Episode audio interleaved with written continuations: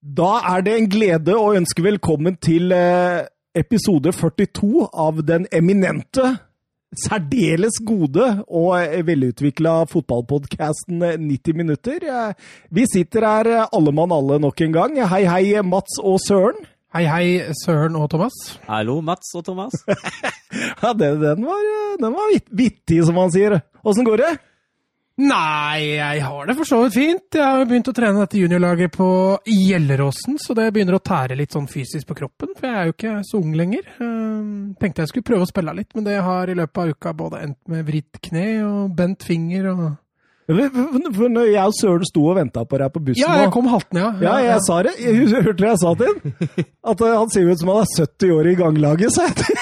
Det stemmer. Eh, Jeg, jeg fikk en litt ubehagelig vridning i kneet, og etter det så sliter jeg med å gå, rett og slett.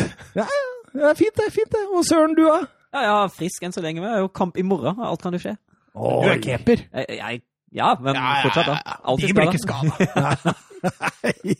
Ja, spiller med hjelm og sånt. da. Søren check. Eh, Men eh, Mats, du ville ha ordet, for du ville vel ha stelle oss til veggs i en såkalt eh, quiz, som vi alltid begynner med her. Ja, vi begynte jo med det for et par episoder siden, å quize litt. Jeg gjør litt om på formatet. Går litt vekk fra statistikker, så jeg kommer litt med mer hva skal jeg si, standard quiz-spørsmål. Vi gjør det som følger at ingen begynner. Dere sier bare navnet deres når dere vil svare. For å gjøre det litt ekstra spennende, så får dere får selvfølgelig ett poeng hvis dere svarer riktig. Eh, Hvis dette er et spørsmål om tysk fotball, så får eh, Søren et minuspoeng hvis ingen svarer. Eller at begge svarer feil. Oi, oi, Og samme gjelder da engelsk fotball for deg, Thomas. Bare for å få det litt eh, interessant, da. Men, eh, men jeg tenker jo at uh, dette favoriserer jo ikke meg som har hjerne som en uh, Nei. Søren er kjempefavoritt. Ja. Såpass, ja. Eh, det, han, det vil han jeg er jo ut, utdanna høyere grad og sånn. Det- ja, altså I tillegg så er det ett spørsmål på engelsk fotball som jeg, jeg fikk litt dårlig samvittighet over, rett og slett. Fordi jeg det, det er tyskinspirert? Nei, nei, nei, nei. Det er bare, det er bare litt sånn gjettespørsmål, og det, Ah, okay. det er litt dårlig gjort overfor deg, da, som mister det. Ja da, ja da. Men vi, vi, vi gambler. Ja, og siden du er på såkalt lavkarbodiett, så har jeg i god italiensk tro kjøpt banan til apekatten som vinner her i dag, som premie. Uh, så det blir da premien, sånn at begge kan nyte hvis det skulle bli Skulle gjerne hatt en banan, jeg. ja jeg tar banan, jeg òg. Men eh, vi begynner med tysk. Eh, kjører fire tyske spørsmål, og så kjører vi fire engelske spørsmål til eh, slutt. Og, og Eh, for å gjøre det klart, da, så sier vi bare Thomas Søren. ja, du sier Thomas, og Søren sier Ja, Søren. jeg, jeg skjønner jo det. Hvis, når, hvis du sier navnet ditt halvveis ut i spørsmålet, så slutter jeg å lese. Åh. Bare sånn så det er sagt. Så dere må gjerne være utålmodige og klinke til, eller så Nå stiger pulsen her. Ja, det skjønner jeg veldig godt. Er dere klare? Ja. Klar. Greit, vi begynner. Vi begynner med tysk. Fire tyske, så fire engelske. Hva er kallenavnet på det tyske landslaget? Eh, Søren, Die Mannschaft. Det er korrekt. Det var jo det jeg trodde mensen var på tysk i stad, var det ikke det? Det hadde jeg ikke. Ett poeng til Søren. Eh, lagene i Tyskland spiller med stjerner på drakta som et symbol på hvor mange gull, eventuelt altså hvor høyt enstående, altså hvor høyt klubben anses. da. Eh, Bayern er suverene, de har fire stjerner. Eh, på to stjerner så finner vi to lag. Det ene er Dortmund, og Søren Nürnberg. det er feil. Får han minus, da, eller må jeg svare riktig Nei, Hvis du svarer riktig nå, så får du et poeng, og da får ikke Søren noe minus. Oi, oi, oi. Og det andre laget er Bayer Leverkosen. Det er feil. Det er Borussia Mönchengladbach. RB Leipzig er en relativt ung klubb, stifta i 2009, som startet eventyret i femtedivisjon samme året. Men fra hvilken klubb var det Red Bull kjøpte lisensen fra? Det har jeg lest om! Det var li, li, li Nei. Lest om det for lenge siden, jeg òg, men uh, husker jeg det? Pass. Jeg må jo, må jo gjette noe, i hvert fall. Ja, du må jo det. Åh, Han sa åh. Oh, jeg Jeg De trodde det her var ganske kjent, for det visste faktisk jeg på forhånd. De kjøpte fra åh. kan jo gjette på Lokomotiv Leipzig, men det tror jeg ikke stemmer. Nei, det er SSV Markenstadt. Markenstadt var det, ja. Siste, da. Søren, du er på minus én nå, så dette går ikke bra. Her kan jeg vinne uten å svare en Her puck. Eh, siste, da. Miroslav Klause er en stor mann i tysk fotball. 167 mål i Bundesliga, 71 mål på landslaget. Thomas! Mm. Han er fra Polen opprinnelig. Det er feil. Men hva gjør Klause i dag? Ja, men i alle dager. Han er vel ungdomstrener i Bayern München? Det er helt riktig, Søren! Ah, Trengte ikke å si navnet nå, tenkte jeg. Søren har da null poeng når vi går over på engelsk.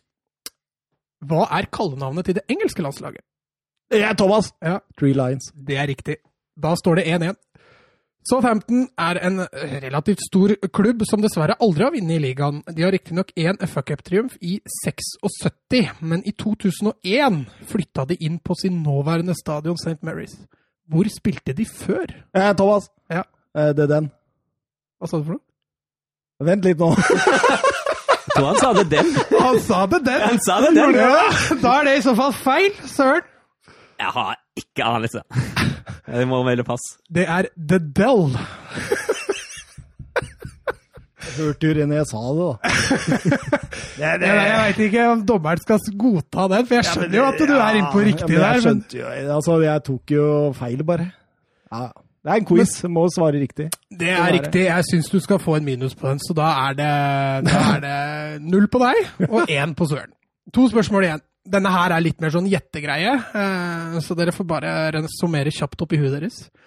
Siden Premier Leagues oppstarten i 92 er det mange lag som har prøvd seg i Premier League. Eh, Noen med litt mer hell enn andre. Hvilket lag er det store heiselaget i Premier League? Altså det laget som har rykka ned flest ganger. Dette er fire lag som Sir. har rykka ned flest. Ja, Norwich. det er helt riktig, Søren. Ja, skulle vi ha flere lag? Nei, du kan men du kan få gjette en hvis du vil. Så kan du få et poeng, bare for å holde konkurransen jevn. Det er tre lag til som har rykka ned fire ganger. QPR? Det er feil. Oi, oi, oi. Sunderland, West Bromwich, Middlesbrough og Norwich har rykka ned fire ganger fra Premier League. Siste spørsmål i Premier League.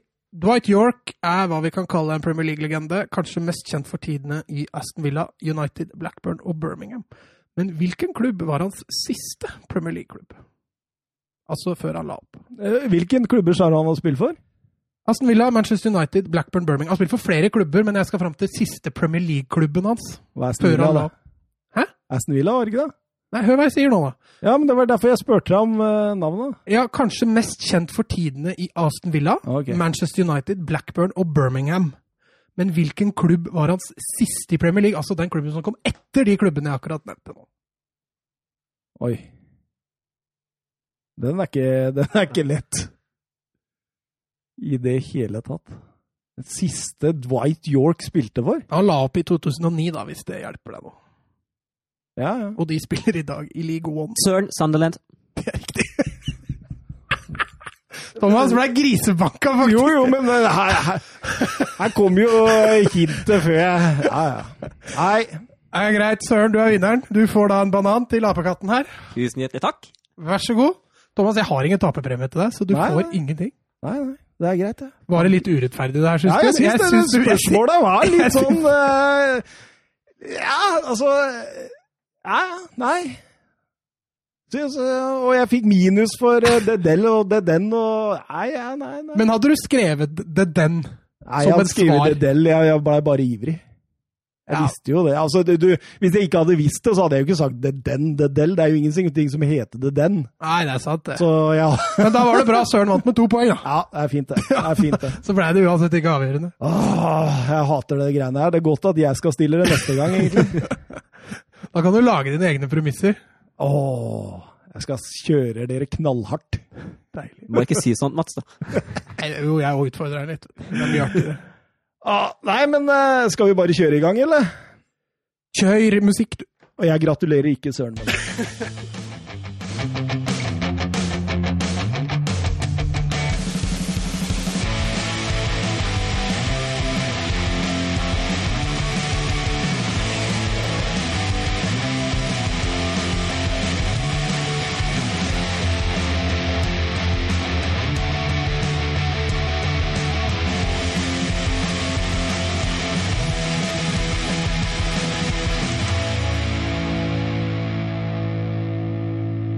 Ja da, da var vi tilbake igjen, som man sier på fagspråket, og vi eh, setter i gang med helgens runde i Premier League, Mats!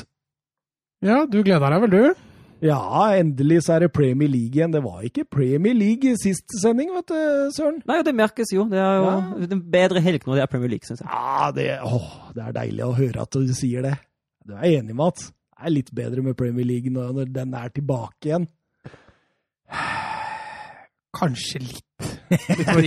Bare så jeg ikke er et rasshøl her nå, så greit. Du skal få den litt, litt bedre. Når du stilte meg så vanskelige spørsmål i forhold til Søren eh, sin, så, så fortjener jeg den. Men den helga her så er jeg helt enig med deg, for da har det jo vært total mangel på spansk fotball. Så da har jo Premier League vært et nydelig plaster på såret. Ja, og den første, det første plasteret på såret var eh, Crystal Palace eh, sitt oppgjør mot Arsenal. Eh, en smågrisete kamp, eller? Ja, det er vel ikke vanskelig å være uenig i det. Kommentatoren også påpekte det flere ganger, han, at dette var, uh, var til tider litt ufint. Ja. Men likevel, Søren, eh, kun fem gule og ett rødt. Eh, Paul Tierney der han eh, trener han man, man, Nei, Paul Tierney, dommeren, var ganske Manageren. Ja! Manageren til Kampmanageren. Eh, Kampmanageren, kan vi si. Ja, det, det er godt å si. Han eh, var ganske mild. Ja, han var, kunne ha delt ut flere kort, syns jeg. Ja, han ville jo bare gi Aubameyang eh, gult kort òg. Ja, og det, det var jo Det er- er jo fint. Og ser, altså, I den situasjonen fungerer jo VAR veldig bra. Det, det gjør det jo, for det er jo et soleklart rødt kort. Det, Altså, altså, det, er så, det er så kjipt å se reprisen. Ja, det var Fordi du sitter og ser, og så Ja. ser du hva som har skjedd, og så tenker du Hvorfor lukka jeg ikke øya?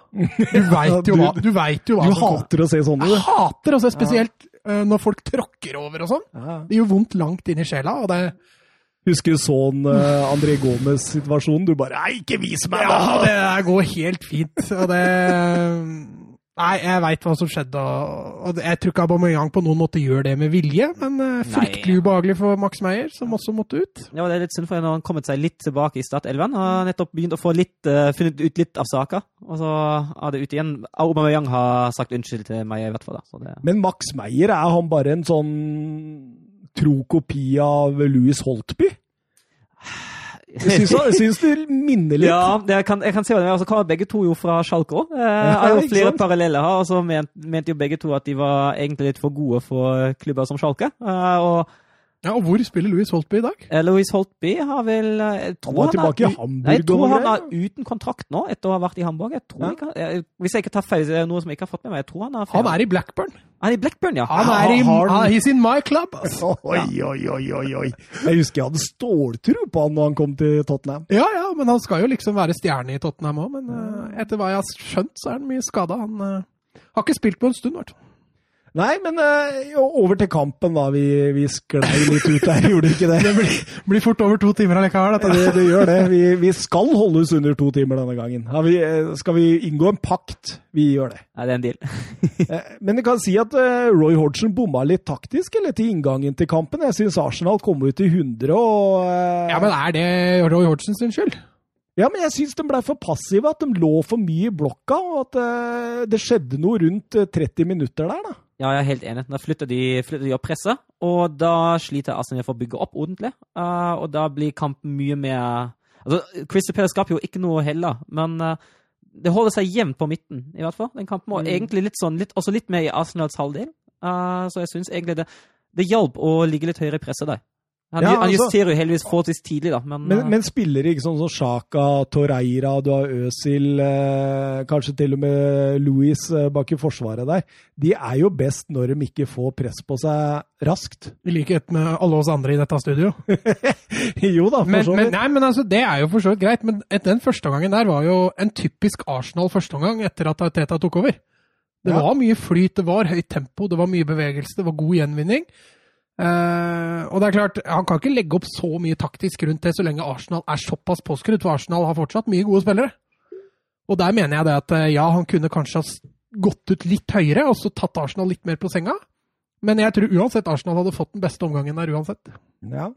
Så du Louis som eh, playmaker, eller?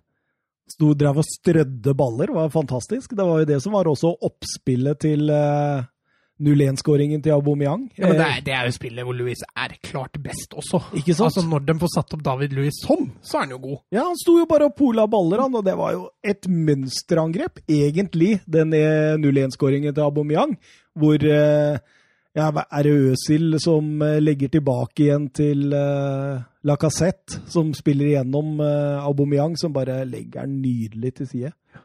Men uh, hva har skjedd med Øsil? Nei, jeg tror ikke det har skjedd så mye, men er han så god, da? Jeg syns han har vært frisk jeg, under Arteta. Overraskende, ja.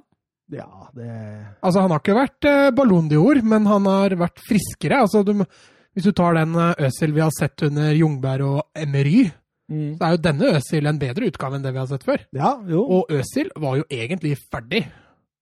Og han har bare, han har, bare begynt, han har bare begynt litt igjen. Kanskje han har fått et dilemma? Vet du. Ja, hva da? Enten jobber du, eller så, så dreper jeg deg. drar vi deg. Drar vi deg? Så dette var en seriøs podkast. Men nei, nei, jeg, jeg, nei, jeg er positiv til Øsil. I hvert fall det han har vist de to-tre siste kampene. Ja, du er det, ja. Nei, det er ikke jeg. Men uh, det er helt greit. Ehm, da leder Arsenal uh, 0-1. Eh, fint mål, eh, for all del. Og, og når Aubameyang får den, da, så er det sånn Jeg leste en sånn statistikk, eller om jeg hørte statistikken eller noe, at eh, hvert eh, Eller hver eneste skudd på mål i Premier League, så går 10% av ballene inn. Mens hos Aubameyang så går hver fjerde inn. Altså 25 Mm. så det er klart det at han uh, veit hvordan han skal sette sjansene sine. Han der. Men var han så effektiv i Dortmund? Ja, Når, altså, det, det, det så, altså, Nå har jeg ikke noe tall på det, eh, men det Aubameyang er helt fantastisk på, er når han får ballen i straffeområdet, og gjerne også i femmeteren, og da, da er han helt klinisk. Når han får de avslutningsmulighetene, da er han kjempegod. Det er det han, eh, han kanskje er Eller han er aller best i det, men det, det finnes få spillere i verden som er på Eller kan være bedre der, eller er på det nivået. Det er, det er helt vanvittig for hvor han, har er foran målet. Når, han først blir oppspilt der, det er hastigheten hans og det er avslutningen. Det er de to tingene han er soloklart best på. jeg husker når Arsenal kjøpte han, tenkte jøss, en ineffektiv spiss var det liksom som instinktet som slo meg, liksom. Ja, Han bommer mye på bommer, altså han får mye sjanser som gjør at han skårer en del mål, da, men at han bommer på en del. Men den siste perioden i, i Dortmund, så gikk det jo litt sånn opp og ned. Ja, det vil han jo vekk òg. Da, Ja. da orker han jo ikke så mye lenger. Du ser jo Eriksen når han vil vekk. Du ser jo hvor god han er. Men eh, ja, Hodgson uh, dytta presset høyere opp i banen og møtte Arsenal høyere opp. Og eh, de kom inn i kampen sakte, men sikkert. Og ut i, ut i annen omgang der så skårer de også ganske fortjent 1-1 med Jordan Ayew. Ja, det har jo blitt en sånn liten forbannelse under Teta, dette her, disse andre omgangene. Spiller, har vært klart beste laget mot Chelsea i første omgang. Var klart, klart beste laget mot United i første omgang. Og var også det beste laget mot Palace i første omgang. Fra de tre kampene så har de altså bare fire poeng i lomma, så de må gjøre et eller annet øh, Gjøre et eller annet med det defensive. De sleit seg også videre mot Leeds i FA-cupen, selv om de da kjørte et litt blanda lag. Så, så har han en jobb å gjøre, men det visste han vel når han tok over dette her. det, det, er, det er ikke gjort på 1, 2, 3, og det sa han jo klart ifra også på pressekonferansen da han var ansatt. Mm. At uh, dette har vi tatt tid. Så det Men uh, så kommer det røde kortet, da. Uh, det, så vi har jo vært inne på det. Var stygt, helt riktig. Var fungerer perfekt. Rødt kort, ut med en. Bort og ferdig. Tre kampers karantene. Å, den, den er Den, tung. den svir. Den svir for Ja, den gjør det. Gjør det. Den svir mer for Max Meyer. Ja, eh, Har du hørt noe hvordan det går med Max Meyer, eller? Ja, altså Hvis det er et standard overtråkk, så er det jo fort to, to til tre uker, da. Ja.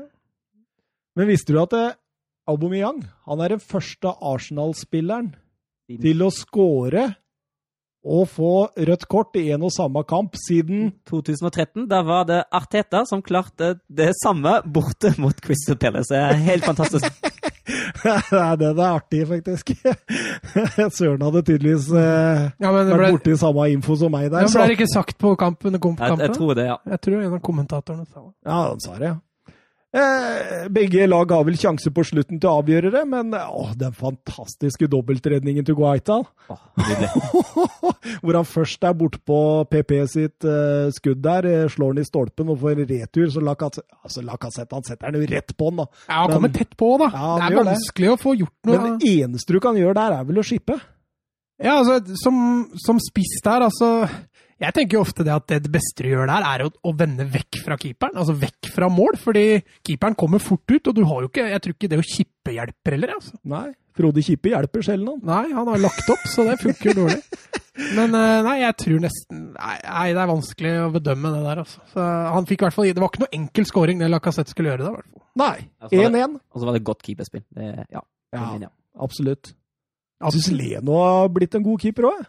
Ja, men han har jeg hylla før. Jeg. Ja, det Når Arsenal var i down-perioden med Jungberg, så sa jeg at Leno og Torreira var de to eneste positive med, med Arsenal. det Chelsea-Burnley 3-0. Grei eh, Chelsea-seier. Eh, Ikke så mye annet å, si om det. Eh, Jorginho 1-0, eh, Tammy Abraham 2-0 og Callum Hudson Odoi 3-0. eh, Gikk hva- Pope på 2-0, da. Det, Ja. Den kan vi kanskje Ja, men det, det, det skal jeg litt Fordi her er det jo personlig feil på rekke og rad ved samtlige mål. Ja. Altså, Sean Dyche må jo Han må virkelig inn på tegnebrettet igjen og forklare spillerne litt om hvordan du skal eh, dekke rom og, og diverse, fordi det var jo et Altså, låten der også, på første straffesparket. Altså, hvorfor han ikke bare leder William utover. Nei da, han skal ned og takle den. han. William er rutinert nok han til å bare gi ballen et lite puff, og så blir du tatt. Og så rutinert nok til å slenge det beinet ut. Ja. Bare sånn at det blir kontakt, Ja, liksom. ja. Det er så rutinert. han har vært med på det før. Så. Det var ikke første gang han har vært i bakken. Jorginho 1-0, hoppende på Nei, Har du sett den teknikken? Kengurustraffe. Ja, den er helt eh, vanvittig, altså. Eh, 2-0 Abraham, som Mats er inne på. Nick Pope eh, får jo den headinga rett på seg. Ja, han blir jo forstyrra av Tarkovskij, er det vel, som er inne i boksen. Men eh, det er, det er jo På det nivået må du ta det der. Altså. ja, det, Det er, det er, må jo, kan, kan jo ikke karakteriseres som noe annet enn en tabbe. Nei, absolutt ikke. Reece James, for eksempel, som la innlegget der. Eh, Banens beste. Utvilsomt. Fantastisk offensivt og defensivt. Ja, når Chelsea får inn en venstrebekk nå, hva skal de gjøre med Aspilicueta da? Nei, det, men han spiller jo bra, han òg. Ja da. Og, Men han er jo jeg, ikke men jeg tror også han er viktig som en kaptein og som en sånn det, Altså Alibiet alibi på rutine, da. Tror uh, Han skal ingen steder. Nei, det er sjuende far i huset, det tror jeg. Jeg tror det. Jeg tror han er Ikke så gammel. Sjette. Sjette far i huset. sjette far i huset. 3-0. og Hodoi nok en gang møter et innlegg fra Aspilicuelta på bakerste der, og uh, ingen følger han jo. Han eh, går helt aleine, han. Nei, det er både markerings- og kommunikasjonssvikt. Så han var livredd for at uh, godeste Abraham hadde vært borti der, for da hadde han vært i offside. Ja, første Premier League-mål for Hudson og Doy. Ja, og, og, og Hudson og Doy, jeg tenkte litt på det der. Fordi han, han var jo ekstremt hypa før akillesskaden. Ja, da skulle han jo til Bayern og alt. Ja, ja, ja. Altså, og det var jo reell interesse òg. Eh, syns jo liksom at eh, etter han kom fra skaden, at det har vært veldig kom si, kom sa. Er det noe som heter det? Ja, det er noe som, Ja, det er noe som heter det. Eh, men eh, nå eh, begynner det å løsne litt for han. Og, og det passer jo bra i og med at Pulisic eh, har blitt den Pulisicen vi trodde han skulle bli igjen. Mhm. Mhm. Mhm. Eh, så det var mye VAR-demonstrasjoner på Stamford Bridge denne lørdagen. Ja, men det har det vært over hele linja, føler jeg. Ja. Fuck war har de jo sunget Ja, altså eh, Chelsea-fansen dro fram et svært banner hvor det står 'Killing the passion, killing the atmosphere, killing the game'. End war, now. End war now. Det, det, det, gjorde, det akkurat det samme gjorde Crystal Palace-fansen òg. ja, de gjorde det? Ja, ja. Spørs om de angrer litt etterpå, etter at hvor mye han ble utvist etter hva da. Ja, men det er nettopp og Frank, Det du sier der, Søren. Frank Lampard eh, ble spurt om dette etter eh, kampen, og da sa han at vet du hva, jeg bryr meg ikke om det går vår fordel engang. Altså, VAR, det var han svært negativ til, altså. Eh, Det begynner å bre seg en sånn greie over hele England om at dette er ikke noe for Premier League, i hvert fall. Nei, men jeg veit ikke. altså. I, I Spania og Tyskland er det ikke så mye ståhei og hysteri rundt det. Men England bruker det litt annerledes Ja, enn resten av Europa. Ja, og jeg syns England hadde hatt godt av å se på hvordan det brukes både i Champions League eller i Supercopa nå. Den kampen mellom eh, Barcelona og Atletico Madrid jeg syns jeg VAR brukes veldig bra. Det går kjapt. I en tvilsom situasjon går dommeren ut, ser på det i et halvt minutt, finner ut av det. Jeg skjønner ikke hvorfor Premier League er så negative til at dommeren skal gå ut og se på situasjonen sjøl. Jeg tror det hadde spart både tid, og det hadde hatt ført at dommeren kan ta en mye bedre avgjørelse ut ifra hvordan han sjøl tenker denne kampen dømmes. Jeg forstår det rett og slett ikke. Altså Er det det derre clear and obvious-greiene som ikke er så clear and obvious? da? Jeg ikke. Altså, Clear and obvious er jo fra skjønn til skjønn, ikke sant? Ja, men Altså- jeg vet ikke når vi kommer til Tottenham-kampen, om du skal ha en rant, Jo, om vi skal ta det da, eller om vi skal ta en diskusjon vi, vi, vi tar det seinere. Ja. Men altså, det jeg tenker på, det er at hvis Atkinson sitter i VAR-bussen, da, så har han et syn på det, ikke sant? Altså, det, det, er, det er jo ikke noe fasit som sitter og kontrollerer dommeren. Altså, så det blir jo, og, og det blir jo vanskelig for Atkinson å holde den røde tråden som f.eks. Paasen eller sånt har gjort tidligere. Sånn at det, vi fans, da, vi som sitter og ser på fotballen, vi vil alltid kommer til å sammenligne situasjoner dømt av VAR, ikke sant? Og vi vil alltid finne nyanser der som vil være sånn i, i forhold til en rettferdighet eller en urettferdighet for den ene eller den andre. Sånn vil det alltid være. Så når jeg da tenker Altså, jeg leste en sånn statistikk som var sånn at eh, før VAR så dømte Premier League-dommerne 98,1 eller annet prosent riktig. Altså 98 av 100 situasjoner dommere dømte i Premier League, var korrekt uten VAR. Altså, jeg tror ikke det tallet har steget med VAR. Hvis du skjønner hva jeg mener? Det kommer litt an på hva du mener med situasjoner. Da. Altså Hvis det er offside hens som er på skjønn uansett, det er vanskelig å vurdere om det er en riktig avgjørelse. da. Eh, I forhold Men, til men så så Premier League du sa jo ganske tidlig at det med hens Ok, var eh, ballen bare nære at eh, handa til, til spilleren, som skårte mål eller en av de offensive andre, så var det annullert. Uansett åssen det var. Om det var Ja, men dette gjelder VAR. Nå snakker vi om statistikken før VAR. Ja, ja. Eh, Jo, jo, men vi, vi, vi, hvis dommeren tar det på skjønn, og, og, og VAR tar det på skjønn, hva er forskjellen, da? Jo, nei, altså Forskjellen er jo at VAR kan sitte og se dette i reprise. Eh, dommeren kan ta en pause, og det går et minutt eller to, så kan de vurdere situasjonen uansett.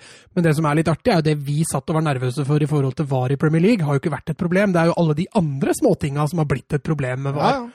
Eh, sånn at eh, jeg kjenner jeg er veldig delt eh, i VAR. I, I Spania har jeg ikke hatt noe problemer med det. Eh, det er selvfølgelig kjipt når avgjørelser går mot, men, men det er vanskelig å være uenig i rettferdighet. I Premier League så har det vært litt annerledes, for der Jeg syns det surres mye mer, og det er, det er plutselig altså, i starten De sliter med den røde tråden. Ja, det er akkurat det jeg skulle fram Det er til. det som Altså, den, den røde tråden er ikke der. Altså, plutselig. Aubameyang prøver å dele beinet til eh, Max Maier og få rødt kort av VAR. Helt riktig. Robertsen gjør det fire timer etterpå med Tanganga, og det blir ikke frispark engang. Og det er den samme dommeren som sitter i VAR-bussen. Den samme dommeren som dømmer rødt kort til Aubameyang. Han dømmer ikke rødt kort til eh, Robertson. Og da lurer jeg på, hva i alle dager er det, er det som Mourinho sa, at han hadde tepause og ikke så det? For det er jo helt utrolig. Ja, altså, Jeg skal ikke forsvare Robertsen sin i det hele tatt, men, men den vesentlige forskjellen der er jo at Robertsen er jo først på ball. Jo, Så kan men du- så er det, jo... det jo har jo ingenting å si i forhold til reglementet, så lenge du eh, avslutter den med strak bein og knotter inn i Nei, men, det er, men altså, Poenget er at han kan la seg litt lure av det. da. Eh, at han tar ballen først, og så tar han Ja, men han ser jo, leggen. han ser jo stillbilder av nå, så han burde jo kunne fått med seg det. Men når du ser stillbildene av Max Meyer sin takling og Robertsen sin, så ser det, ser det mye verre ut den Max Meyer Ja, men, altså. men i real time, i, eh, i uh, ja, altså real time, så ser Robertsen sin ut verre. Ja, det fordi det. er mer kraft, og det går hardere til. Altså, Aubameyang bruker jo verken mye kraft eller noe sånt, Og han er jo bare veldig uheldig i måten han kommer inn og tråkker på på.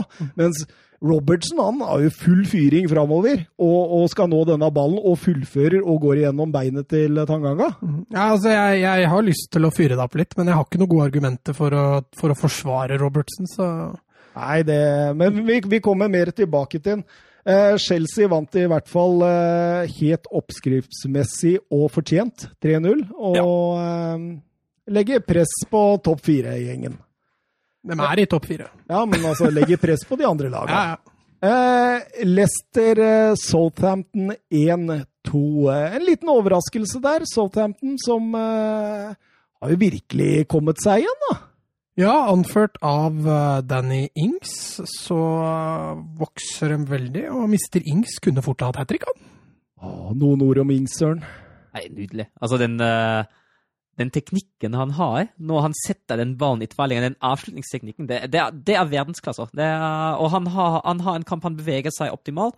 Han, han, skal, han kommer til sjansen. Han avslutter godt. Jeg syns han er uheldig at han ikke skårer flere. Eh, så han en god keeper i, i byrå, men uh, ja, Altså, vi, vi Jeg er veldig glad for at du ikke snakker så mye fancy, men uh, Jeg overhørte du sa til kona di, eller dama di, at uh, Nei, Ings er kanskje ikke så dum å ha på managerlaget, men, men problemet er at han er så mye skada, sa du. Ja, Uh, men fader, han plukker poeng, altså. og han skader seg ikke mer. Han er ikke skada heller. En perfekt anledning for alle fancy-spillere til å bare skyve den inn i laget. Og Der jinxa du den for Ings. ja, du tror nå blir han skada? Nå blir han skada. 25. oktober 2019 grusa Leicester Southampton med 0-9 på St. Mary's. Eh, mange trodde da at Hassel, Hasenhutl heter han vel. Det høres jo ut som en mann i et eller annet Ha- eventyr. Hakkebakkeskogen? Ja, Hans og Grete, tenker jeg. Hva heter Hans og Grete på tysk? Hensel und Gretel. Åh, det er så vakkert! Hensel! Eh, Men eh, han har jo virkelig snudd dette her. Eh, To og en halv måned etterpå så eh, møttes lagene igjen der, og eh, Southampton trygt plassert midt på tabellen. Og, og seire mot Er det Chelsea og Tottenham de to siste? Jeg tror det, ja. Det er jo helt voldsomt. Og så kommer de nå til, eh, til King Power og tar alle tre poenga der. Og det er jo mildt sagt imponerende. Så og så er det fullt fortjent at de vinner det nå. Det, de er jo det beste laget der ute, så det er godt jobba. veldig flinke til å hindre overgangsspillet til Leicester, utenom ved 1-0-skåringen der hvor Wardy kommer gjennom og prat setter den. Mm. Ekstremt gode på å være raskt oppe i Madison. være raskt oppe. Så ser du også de sleit litt eh, når det mangler en Didi, da, Leicester. Ja, altså Altså Southampton, selv om de riktignok ikke har ballen mest, så er, det jo, så er det jo en god match av Southampton. De, de, jeg syns de vinner fortjent, faktisk. Ja, altså, det kunne vært flere òg, hvis Ja. ikke Kasper Schmeichel hadde Og tverrleggeren hadde vært ti centimeter høyere, ikke den gangen, eller 5 centimeter høyere. Så. Nei, ikke sant. Eh, Ikke sant? Jeg syns det er utrolig morsomt med Southampton nå, at de liksom har fått Altså, folk dømte dem jo fullstendig nord og ned etter 0-9, og det skjønner jeg jo. Mm. Men uh, beviser kanskje at man må tro litt på treneren litt mer enn enn det mange andre klubber gjør. Jeg tenker også på Tottenham. Burde kanskje beholdt Pochettino litt til, jeg veit ikke. Ja, du var jo skeptisk når de sparka Porcettino, i hvert fall. Det kan jeg bekrefte. Ja, jeg var det. Uh, går litt opp og ned, det der. Ja, det gjør det. Så, som med mye annet for oss fans. Rogers han uh, klaga etter kampen på flyten i spillet, og han klaga på at uh, de mangla Ndidi. Er Ndidi uh, Leicesters viktigste spiller, eller er det Wardy? Nå vant de jo masse kamper uten Wardy.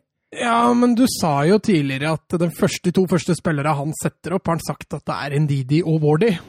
Ja. Eh, Sånn at, at Ndidi er viktig for dette Leicester-laget, det, det kan det vel ikke være så voldsomt mye tvil om. eh, Tror jeg. Han er motoren i midtbaneleddet, han er murbrekkeren, han er andreballskongen, han er eh, også frispillingskongen der, og nei, at han er viktig, det, det tror jeg ikke det er så mye tvil om. Altså. Nå skulle jeg inn på lytterspørsmåla på eh, For vi har et lytterspørsmål angående Leicester. Og så, og så første jeg så får det opp da, er at eh, det- Fernando Llorente er linka til Tottenham. Deilig! ja. På, Mourinho har jo sagt at han trenger to spisser som erstatter eh, Kane. Ja, men kan han ikke bruke Fellaini som spiser? Mm, ja, men han var linka til eh, han var linka til David Moyes sitt, sitt kjære Westham. Jo, også, ja. men hvis han gjør litt skolering på Matic, så kan han bruke han som spiss òg. Ah, orker ikke det der. Eh, Jonathan Hobber spør eh, så langt, men ikke lenger for Leicester City? Spørsmålstegn. Eh, Tror panelet Har vi blitt et panel? Det er kult. Tror panelet de kan eh, klare topp fire, eller kommer det sultne hunder bak nå og sluker dem søren?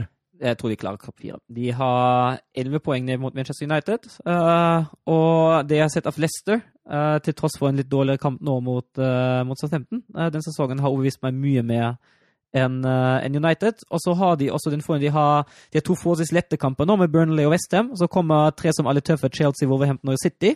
Og så er det egentlig bare litt sånn lag som man kan forvente de slår eh, ganske lenge. De siste to avslutter riktignok mot Tottenham og og United, men da tror jeg kanskje allerede de kan være trygge i topp fire. Og jeg tror det er en fordel at de har to av de store konkurrentene helt mot slutten, altså. I den situasjonen som de er i nå. Så jeg, jeg, tror, jeg tror det skal holde det inn. Er du enig? Ja, hvis jeg må gi et ja eller nei-svar, så vil jeg si ja. Jeg, jeg tror de holder inn. Men uh, det er jo veldig tidlig, da. Hvis det kommer en smell, så kan de fort tape Ja, 10-15 poeng. Men så klart, når United er nærmeste utfordrer, da, de kan jo fort gå på smell, de òg. Det gjør de jo garantert. Så Ja, Laga bak dem imponerer jo ikke voldsomt, inkludert mitt kjære Tottenham. så det... Nei, altså Det laget bak dem som imponerer mest, er jo Sheffield United og Wolves. Så det, det sier vel mer om de enn, eh, enn om Leicester. Manchester United, Norwich eh, 4-0. eh, Kontrollert seier av Manchester United, eh, men jeg føler vel eh, Norwich eh, er ligaens eh, klart svakeste lag. Det er et lag som verken kan angripe eller forsvare seg for tida. Ja, så er det et lag eh, med en identitet som de absolutt uansett skal ta vare på. Altså. Og det, Ja. det gjør at du selvfølgelig får noen fantastiske minneverdige øyeblikk eh, innimellom, med, med bl.a. å slå City. Men det innebærer også da at du får veldig mye tap, fordi du er ligaens dårligste lag. Eh, og det Ja, det blir nedrykk når de prioriterer på den måten. Ja, men til tross for det, altså, når det gjelder den kampen her uh, Ja, United er klart best, uh, og ja, Norwich er dårlige. Uh, men jeg synes også, særlig i første omgang, er United ekstremt dårlig til å skape ting. De har 1-0-skåring, og så har de egentlig ikke sånn supermange store sjanser. De kommer til noen avslutninger, men det er gjerne fra dårlige posisjoner, så jeg synes ikke de imponerer sånn voldsomt, de heller. Og så får de 2-0 i gavepakka av Thomas Krohl, eh, og så er det egentlig kjørt. Ja, det var Det, var, det, var, det er jeg enig med deg i det. Eh, Men, men eh, jeg syns jo det positive for United sin del var at det var litt mer glød igjen i andre omgang. Mot City og mot, eh, mot Arsenal og så, og så videre. De siste kampene syns jeg det har vært eh, dødt i United. Andre omgangen mot Norwich var eh, det var litt mer sprudlende. Så du 3-0-skåringen der, eller? Til Martial? Ja. Det er jo klovneskole defensivt å forsvare seg på dødball. ja, altså Martial er jo ikke noe Toran eller noe Jostein Flo. Eh, sånn at det skal jo være mulig å forsvare seg med han på dødball, men eh, Ja, men altså, Han var jo aleine inni der, og så tar de en kort corner. Ingen går i press på Mata. Mata forslår han helt uhindra inn, og der, altså, han er aleine med sju-åtte spillere, og ingen går inn. Det er jo helt vilt, liksom. Det er jo bare Harry Maguire som kommer stupende inn for å prøve å hjelpe, liksom. Det, det, jeg fatter ikke. Altså, Norwich Det er ikke noe Altså, jeg har sett at det nå begynner å hauses litt opp igjen, vet du, på Twitter. At åh, fantastisk. Fantastisk United. Åh. ja, da krøller det seg innvendig for deg, vet du. VG sendte vel pushup-varsel med at det var festfotball, og det er jeg i hvert fall uenig i. Det var ikke festfotball. Festfotballen fikk vi presentert uh, på søndag kveld, da et annet Manchester-lag spilte. Ja, det var festfotball, jeg er enig. Går det bra, eller? Ja, jeg måtte bare nyse. Ja, Og sitt. jeg er jo våt gjennom hele veggen der borte. Nei, nei, nei. Må du gi deg. Må du gi deg. Eh, ja, nei, det var eh, Vi kan hylle Rashford, da. 200 mål Nei, 200 kamper for Manchester United. Det er, gjør han til tidenes tredje yngste spiller som når den milepælen der. Mm. Eh, Veit dere hvem som nådde 200 kamper før han? Wayne Rooney? Nei. Ah, jeg er så dårlig på United-legender. Bobby Det er, Charlton. det er deilig å sette dere i en quiz. Ja, men er det, er, er det gammelt, eller er det nytt? Det er gammelt og relativt nytt. Relativt nytt. Åh, uh, oh, herregud. Nummer 11, On the Wing. Giggs, selvfølgelig. Ja. Og så Er det relativt nytt? Det var relativt nytt. Ja, Matt, Bubs, Matt, Matt Busby. Matt, Matt Petter Busby? Nei, vi må Bobby tilbake Charlton. til George Best. George altså. Best. George Var Best. neste tippet mitt! Det er lett å si det, Søren. Det er neste tippet mitt. Eh, visste dere at eh, de 15 siste måla til Manchester United er enten scora av Rashford, Martial eller Greenwood? Det er litt Nei, spesielt. Det er men- ingen andre rundt. Men det er ikke så overraskende når du har sett United. Nei da, for all del, men det var litt artig. Daniel James er jo totalt får du litt eh, Robin van Persie-vibber av, Greenwood, eller? Ja, litt. I hvert fall når det gjelder avslutningsnivået. Altså det, for det, altså den scoringen han gjør, den, er- den, er- den, den ser lett ut, sånn egentlig, når man ser på det, men uh, jeg syns den avslutningen den er veldig bra. Og altså, han er jo en jeg synes en litt annen spillertype, men når det gjelder, gjelder avslutningsfoten, da Tenk deg å putte Greenwood inn i City eller Liverpool. da. Åh. Han hadde skåret 100 mål. da. Jeg tror det. Han skårer jo fra alle vinkler og kanter. Ja. Hvis han blir satt opp, rikt, eller satt opp rettvendt, Mm. og får liksom bare ikke se superpresset, er det mål med en gang. Ja, ja. Nydelig avslutningsteknikk på han. Ja, ja, de, de målene han skåra på Norwich Han har skåra tre sånne mål allerede i år. Ja. Og han spiller jo nesten ikke. Nei, det er helt utrolig. Eh, burde vel kanskje flytte på seg? Nei. ja. Skal ha mye penger ned på bordet, den som skal selge han. Nei, kjøpe han. Ja, selge nå. Ja. De skal nok det. Eh, over til eh, det Søren kalte festfotball, da. Aston Villa, Manchester City. Ja, det, det var festfotball. Det var, en, det, var, det var bare å nyte den kampen. Sette seg tilbake og se på City spille, spille fin fotball og spille angriper etter boka. Det var Syns du litt synd på Ørjan Nyland, eller? Synd på Ørjan Nyland? Nei, jeg syns jo ikke synd på han, eh, men eh, det er klart, du må jo være forberedt. Du skal møte et City-lag som virka I hvert fall etter en 20 minutters tid, så var de veldig påskrudd, og da Men det så ut som Dean Smith prøvde alt, da. Det så, altså, altså, la de seg smalt, så ødela City dem fra kant. La dem seg bredt, så ødela City dem sentralt. Eh, pressa dem eh, lavt, så eh, bare spilte City dem rundt og helt inn i egen målgård. Og pressa dem høyt, så spilte City A-presset. Det var liksom, det, det var ingenting å gjøre. Han prøvde alt, så jeg, liksom. Han prøvde å justere eh, avstander, han prøvde å justere press, han prøvde å senke spillere, han prøvde å heve seg. Han prøvde absolutt alt, han. Og uansett så ble det mål til City. Men eh, ja, altså jeg er enig med deg at jeg la jo merke til at de i hvert fall varierte presshøyden. De var veldig dårlige på å ta, av, ta ut spillere fra, fra siden, og, og City er jo alltid gode til å tre gjennom i midten. Så, men det å variere sånn voldsomt i presshøyde og sånne ting, det, det, er, det er bare gode lag som er gode krevende til. Det er veldig krevende greier, altså. Å variere presshøyden på en bra måte. og Villa fikk det absolutt ikke til, eh, og City fikk til slutt en veldig enkel kamp. altså. Og Danny Drinkwater, da.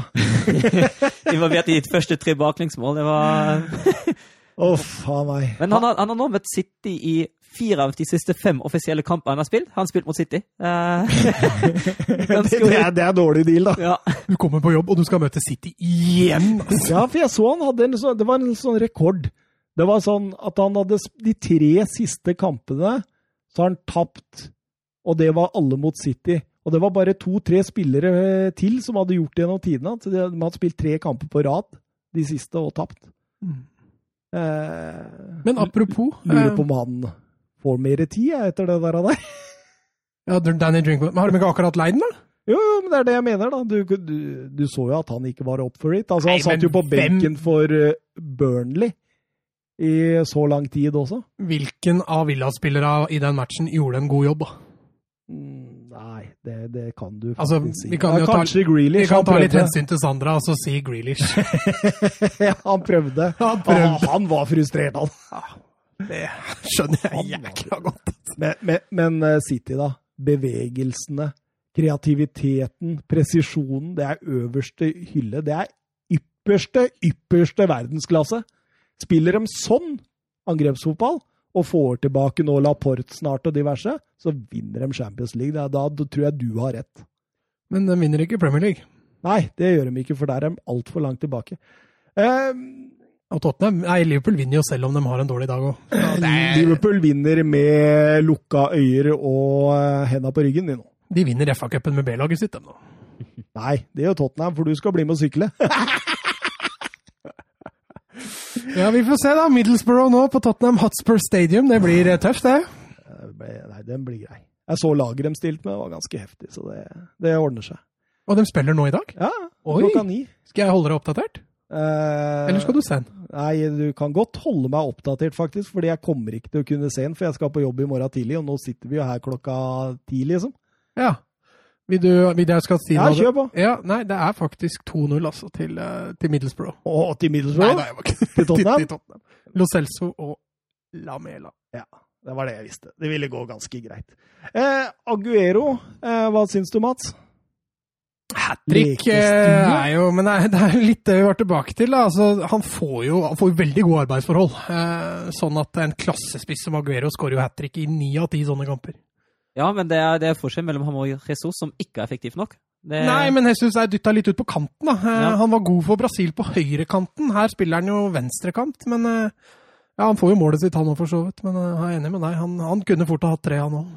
Agueros Premier League-mål nummer 177 på drøye 250 kamper. Eh, 177 det er like mange som Frank Lampard hadde i antall Premier League-mål. Og det er to mer enn Tiara Ry, som gjør altså Aguero til tidenes ikke-britiske Premier League-målskårer gjennom tidene. Altså så kan det, gjennom tidene. Altså, altså Smør på flesket der. Altså kan det legges til da at uh, Sergio Aguero han bruker 106 minutter for hver scoring. Og det er den beste statistikken i Premier Leagues historie. Oh. Men nå spiller han jo på det beste offensive laget òg, da. Ja, det gjør Hadde du dytta Aguero inn i Burnley, så hadde han ikke skåret. Men, men, men så, når jeg leste den statistikken, så tenkte jeg Frank Lampard. 177 Ja, ja, ja. mål fra midtbanen! Er Det er så spinnvilt! Det er spinnvilt. ja. Men eh, en eh, enklere quiz til dere gutta, da. Da har jo eh, Aguero tre spillere foran seg på tidenes toppskårer i Premier League. Hvem er de tre? Shearer, Cole. Fowler Nei, ikke Fowler. Ikke Fowler? Hva sa du? Fowler? Robbie Fowler. Men da var det hva Cole er riktig, 187. Eh, Alan Shearer er riktig, han er på topp, 260. Men det er en imellom de to. Og han spiller i dag i Derby. Wayne Rooney. Yes! Han har 208. Eh, det var Agueros tolvte hat trick i eh, Premier League, noe som er Premier League-rekord. Eh, Alan Shearer har Såpass, ja. Han er bare 40 bak Messi da, og Ronaldo. Ja. Det er litt vanskeligere å score i Premier League, vet du, Mats. ja, det er det. Sorry. Ja, du ser jo det på eh, antall eh, hat trick eh, Ronaldo hadde for Manchester United. Vet du hvor mange det er? Ja, Det er ikke så mange. Er det to? En. Én, ja. Ett hat trick hadde Ronaldo i Premier League. Eh, Shearer hadde elleve hat trick, Fowler ni, og så kommer Ari, Owen og Harry Kane med åtte hver. Mm. Hva tenker vi om eh, Dean Smith og Villa nå? Det er vel kanskje et spørsmål eh, på Twitter, det, tror jeg. Når jeg kommer, har, har du det lett tilgjengelig, det eller? Ja, Nei, er, jeg tror faktisk det var flere. Skal vi se. Oi, oi, oi. Ja, for det vel Godeste Sandra. Ja, Tror dere Villa går ned? Spørsmålstegn. Hva skjer med Graylish da? Hva tenker dere om Pepper Reina? Er Nyland tilbake på benken? For Tom Heaton er ute lenge, eller? eh, Tom Heaton er ute resten av sesongen. Han er ute resten av sesongen. Og Pepe Reina går da inn for Nyland, det er det hun mener. Ja, eh, Pepe Reina er jo ikke henta fra AC Milan for å sitte på benken deres til å sitte på benken i Birmingham. Så han kommer nå til å eh, gå inn der. Og så Ja. blir Nyland reservekeeper. Det er vel ganske sikkert. Er ikke det litt kjipt? For, ny, for Nyland sin del, altså. sikkert Ikke, ikke for men- Villa sin del, men for Nyland sin del. Altså, da er du reservekeeper, og så blir førstekeeperen skada. Og da henter de inn en ny keeper for at du fortsatt skal være reservekeeper. Ja, men da har de ikke nok tro på deg. Da- Nei, det er jo akkurat det. Hva ja, gjør han i Villa, da? Ja. Da hadde jeg sagt greit. Men, men tror vi Villa går ned? ja? Nei, altså, Jeg tror ikke det. Jeg tror ikke det. Jeg har veldig lyst til å svare, svare nei, men uh, altså, Watford er jo i kanonform. Uh, Det er ett kriterium, da. Hvis de bruker Danny Drinkwater resten av sesongen, så rykker de ned. og Nyland. Nei, men altså, altså, De har et Bournemouth-lag bak seg også, da, som er kapable til å snu dette ganske kraftig rundt og begynne å vinne kamper. Og, og Watford ligger nærmest dem på tabellen sammen med Westham. Watford er jo i kjempeform. Watford er i kalasform, og Westham har jo også spillere til å snu dette de luxe. Det er jo Burnley, da, eventuelt Brighton, som det er mulig for dem å, å passere, tror jeg. da, da Nei, det er et veldig tja-spørsmål. Jeg tror, jeg tror det blir jevnt, ja. Jeg er enig. Jeg kan, kan fort ende begge veier. Hva skjer med Grealish da, hvis du rykker ned? Ja, hvis de rykker ned, altså Han er jo altfor god til å spille championship. Det, Ja, Spørsmålet er jo hvis han er så glad i Aston Villa at han er villig til å bli med ned igjen, men eh, det tror jeg kanskje ikke. Eh, og da ville vel kanskje, altså for Solskjær sin del, så hadde jo United trengt han veldig, da. Ja, Tottenham hadde trengt han. Ja, jeg tror De han var hadde jo close på han i sommer. Eh, Vebjørn Fredheim, eh, hva synes dere om Guardiola sitt svar om Aguero var den beste angriperen han noen gang har hatt? Han har jo helt rett. Ja, syns du går gjennom angripere han har hatt. da. I Barca så hadde han David Villa, Samuel Eto'o, eh, Thierry Henry eh, Messi? Det Jeg var, regner, regner ikke han som Jo, en men i forhold til svaret til Aguero Du har ikke hørt det, du? Nei, jeg har ikke hørt det. Nei, han blei jo spurt på pressekonferansen etter eh, Agueros hat trick om Aguero var den beste spissen han eh, hadde hatt. Mm. Og da sa han nei, det er Messi, Mm. sa han. Og så sa han Og Messi er nummer ti, han er nummer ni, og Messi er nummer sju, han er nummer seks, han er nummer fem. Det er ingen. Men etter Messi, da kommer Aguero. Ja. Men, eh, men eh, Så det Ja, men jeg regner jo ikke Messi som en nier. Nei, men eh, det gjør Guardiola, så Ja. Greit. Guardiola har nok litt mer peiling enn meg, så jeg får bare Nei, legge meg flat. du. Nei da, sier du! Ja, det var hyggelig, Thomas. Eh, skal vi over på hovedkampen vår? Ja, skal vi det? Vi må nesten gjøre det. Jeg har sett den eh, to og en halv gang. Oi, du har det? Ja, jeg måtte. Går igjennom selv om de taper, altså. Jeg syns uh, Tottenham-fansen faktisk skal være ganske godt fornøyd, jeg. Sånn all over. Uh, hovedkampen er altså Tottenham mot eh, Liverpool. Suverene Liverpool på besøk hos et Spurs-lag uten seier siden Boxing Day. Eh, må innfinne seg med å være ganske store favoritter. Eh, Tottenham også veldig skadeskutte. Spesielt Sissoko, Ndombele og Harry Kane er tunge fravær, i tillegg til Jorista, som har vært ute siden oktober. Eh, Liverpool noe færre skader på sentrale spillere, men Fabinho hadde nok vært å foretrekke inn i det laget. Ja, kanskje Mati på. Ja, men Gomez er god, altså. Han var ikke god mot Tottenham. Nei, men han er god. Han er god, Ja. Men det er eh, Keita òg. Men han hadde nok ikke starta, han heller. Nei, ja.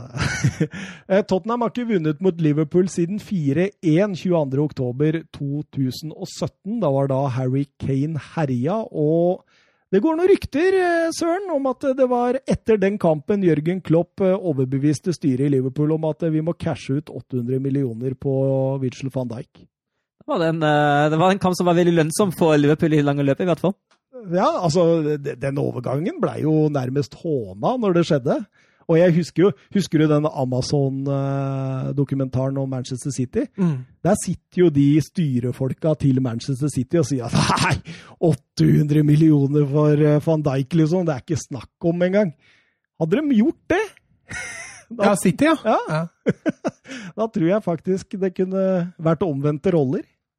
Eh, siste 22 har endt med fem Spurs-seiere, seks uavgjort og elleve Liverpool-seiere. Eh, Spurs ut i en ren 4-4-2 som, som utgangspunkt, men varierer jo voldsomt underveis i matchen. Eh, 20 år gamle Tanganga til sin eh, Premier League-debut.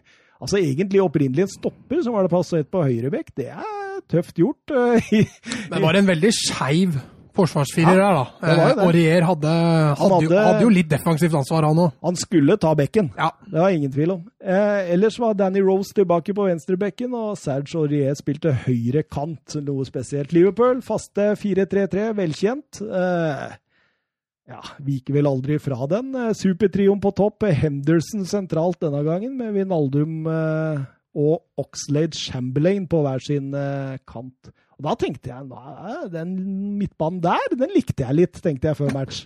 På Tottenhams vegne så likte du den Ja, jeg gjorde det. Eh, men så spilles jo, settes jo kampen i gang, og så tar det to minutter, og så har jo Liverpool en dobbeltsjanse ut av en annen verden, faktisk. Ja, der bør Liverpool nesten skåre Ja, må- nesten skåre to mål. De bør nesten gjøre det. At de, at de ikke leder, er jo helt latterlig. Ja. Altså, det er både flaks og ikke minst voldsomt Gazaniga-dyktighet som eh, Ja, og ikke minst Tanganga, da. Ja, ja, ikke minst Tanganga. Altså, der er det så mye tur og flaks og god ja, skal si, dyktighet inne i bildet at Ja. det skulle ikke vært lov. Og Tottenham starter litt frisk, men Liverpool kjører jo kontra, da, og Oxlade finner Firmino nydelig med i bakrommet. Eh, Måten han drar av Eriksen på der, er jo helt fantastisk. Eh, Skyter, Tanganga redder på strek. Eh, Firmino får den tilbake og finner Oxlade Chamberlain igjen inne i boks, som skyter i stolpen ut i beina på Tanganga og inn til eh, Gazaniga. Da var det sånn uh, Dette blir lange 90 minutter, tenkte du da. da. Enda lengre 90 minutter enn 90 minutter her.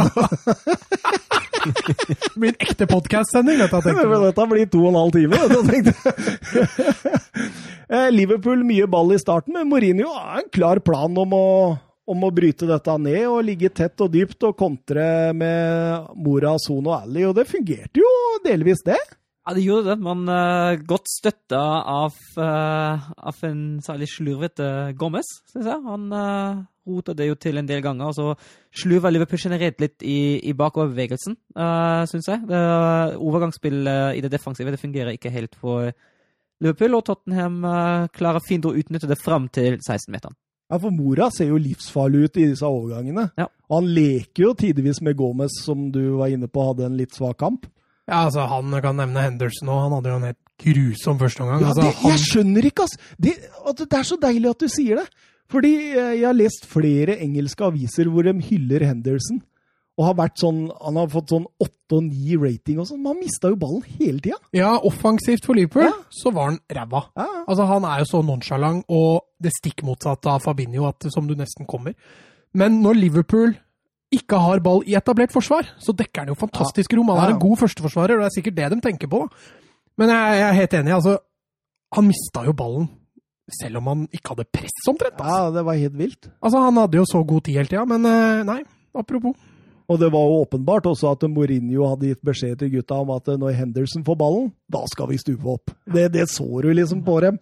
Så han mista ja, den jo et par ganger, og var jo skyld i et par overganger der. Og Henderson er ikke kjent for å ha øyre i nakken, så det er bare å gønne på. Nei, og det, Tottenham kom til et par halvfarlige sjanser der. Både Mora og Ali og Son hadde jo noen OK sjanser der, men det var liksom Det virka som de hadde litt for mye respekt. Syns de liksom avslutta litt tidlig og Ja, men jeg syns jo at Liverpool egentlig har stålkontroll på den første omgangen. Ja. Og grunnen til det er jo det at de sjansene Tottenham får, og da mener jeg alle sjansene Tottenham får, kommer som konsekvens av at Liverpool surrer. Altså Det er jo ikke Tottenham som bygger opp gode angrep, eller Tottenham som vinner ballen i eget forsvar og kjører kontra. Det er jo Liverpool som nærmest gir dem ballen. Og Tottenham ligger jo så dypt og så kompakt som de bare klarer, og bare ligger og venter. Og det er jo riktig, de gjorde jo det veldig, veldig bra, eh, i hvert fall i perioder. Og eh, Var det en god gammeldags Mourinho-buss, eller søren? Ja, det så jo nesten sånn ut, men det var uh, forsøk på en god gammeldags Mourinho-buss, i hvert fall. Men, men Liverpool skaper jo allikevel litt sjanser innimellom, og det, det tror jeg ikke Mourinho var helt uh, happy med. Nei, absolutt ikke. 22 minutter, eh, van Dijk-sjansen der. Eh, Salah som lemper mot bakerste i andre fase etter en dødball. Hadde det blitt offside? Det hadde det. Mm. Eh, det har jeg også skrevet her, at jeg var ikke sikker på at jeg gadd å ta den med i notatene mine der, fordi det var jo en soleklar offside som var sannsynligvis hadde tatt. Eller nå veit vi jo ikke, de kunne vært på T-pause, sånn som det tydeligvis var når Robertsen takla Tanganga. Um, ja, og til 30 minutter ja, så skriver jeg at Liverpool har mye ball. De sliter med å komme til store muligheter. Mané og Salah kommer ikke inn i kampen. Det er lite bakrom å bruke, og Spurs eh, forsvarer seg godt. Ja, altså farlighetene til Liverpool kommer jo gjerne ved, ved Firmino. Eh, altså Han er ekstremt dyktig på å finne rom.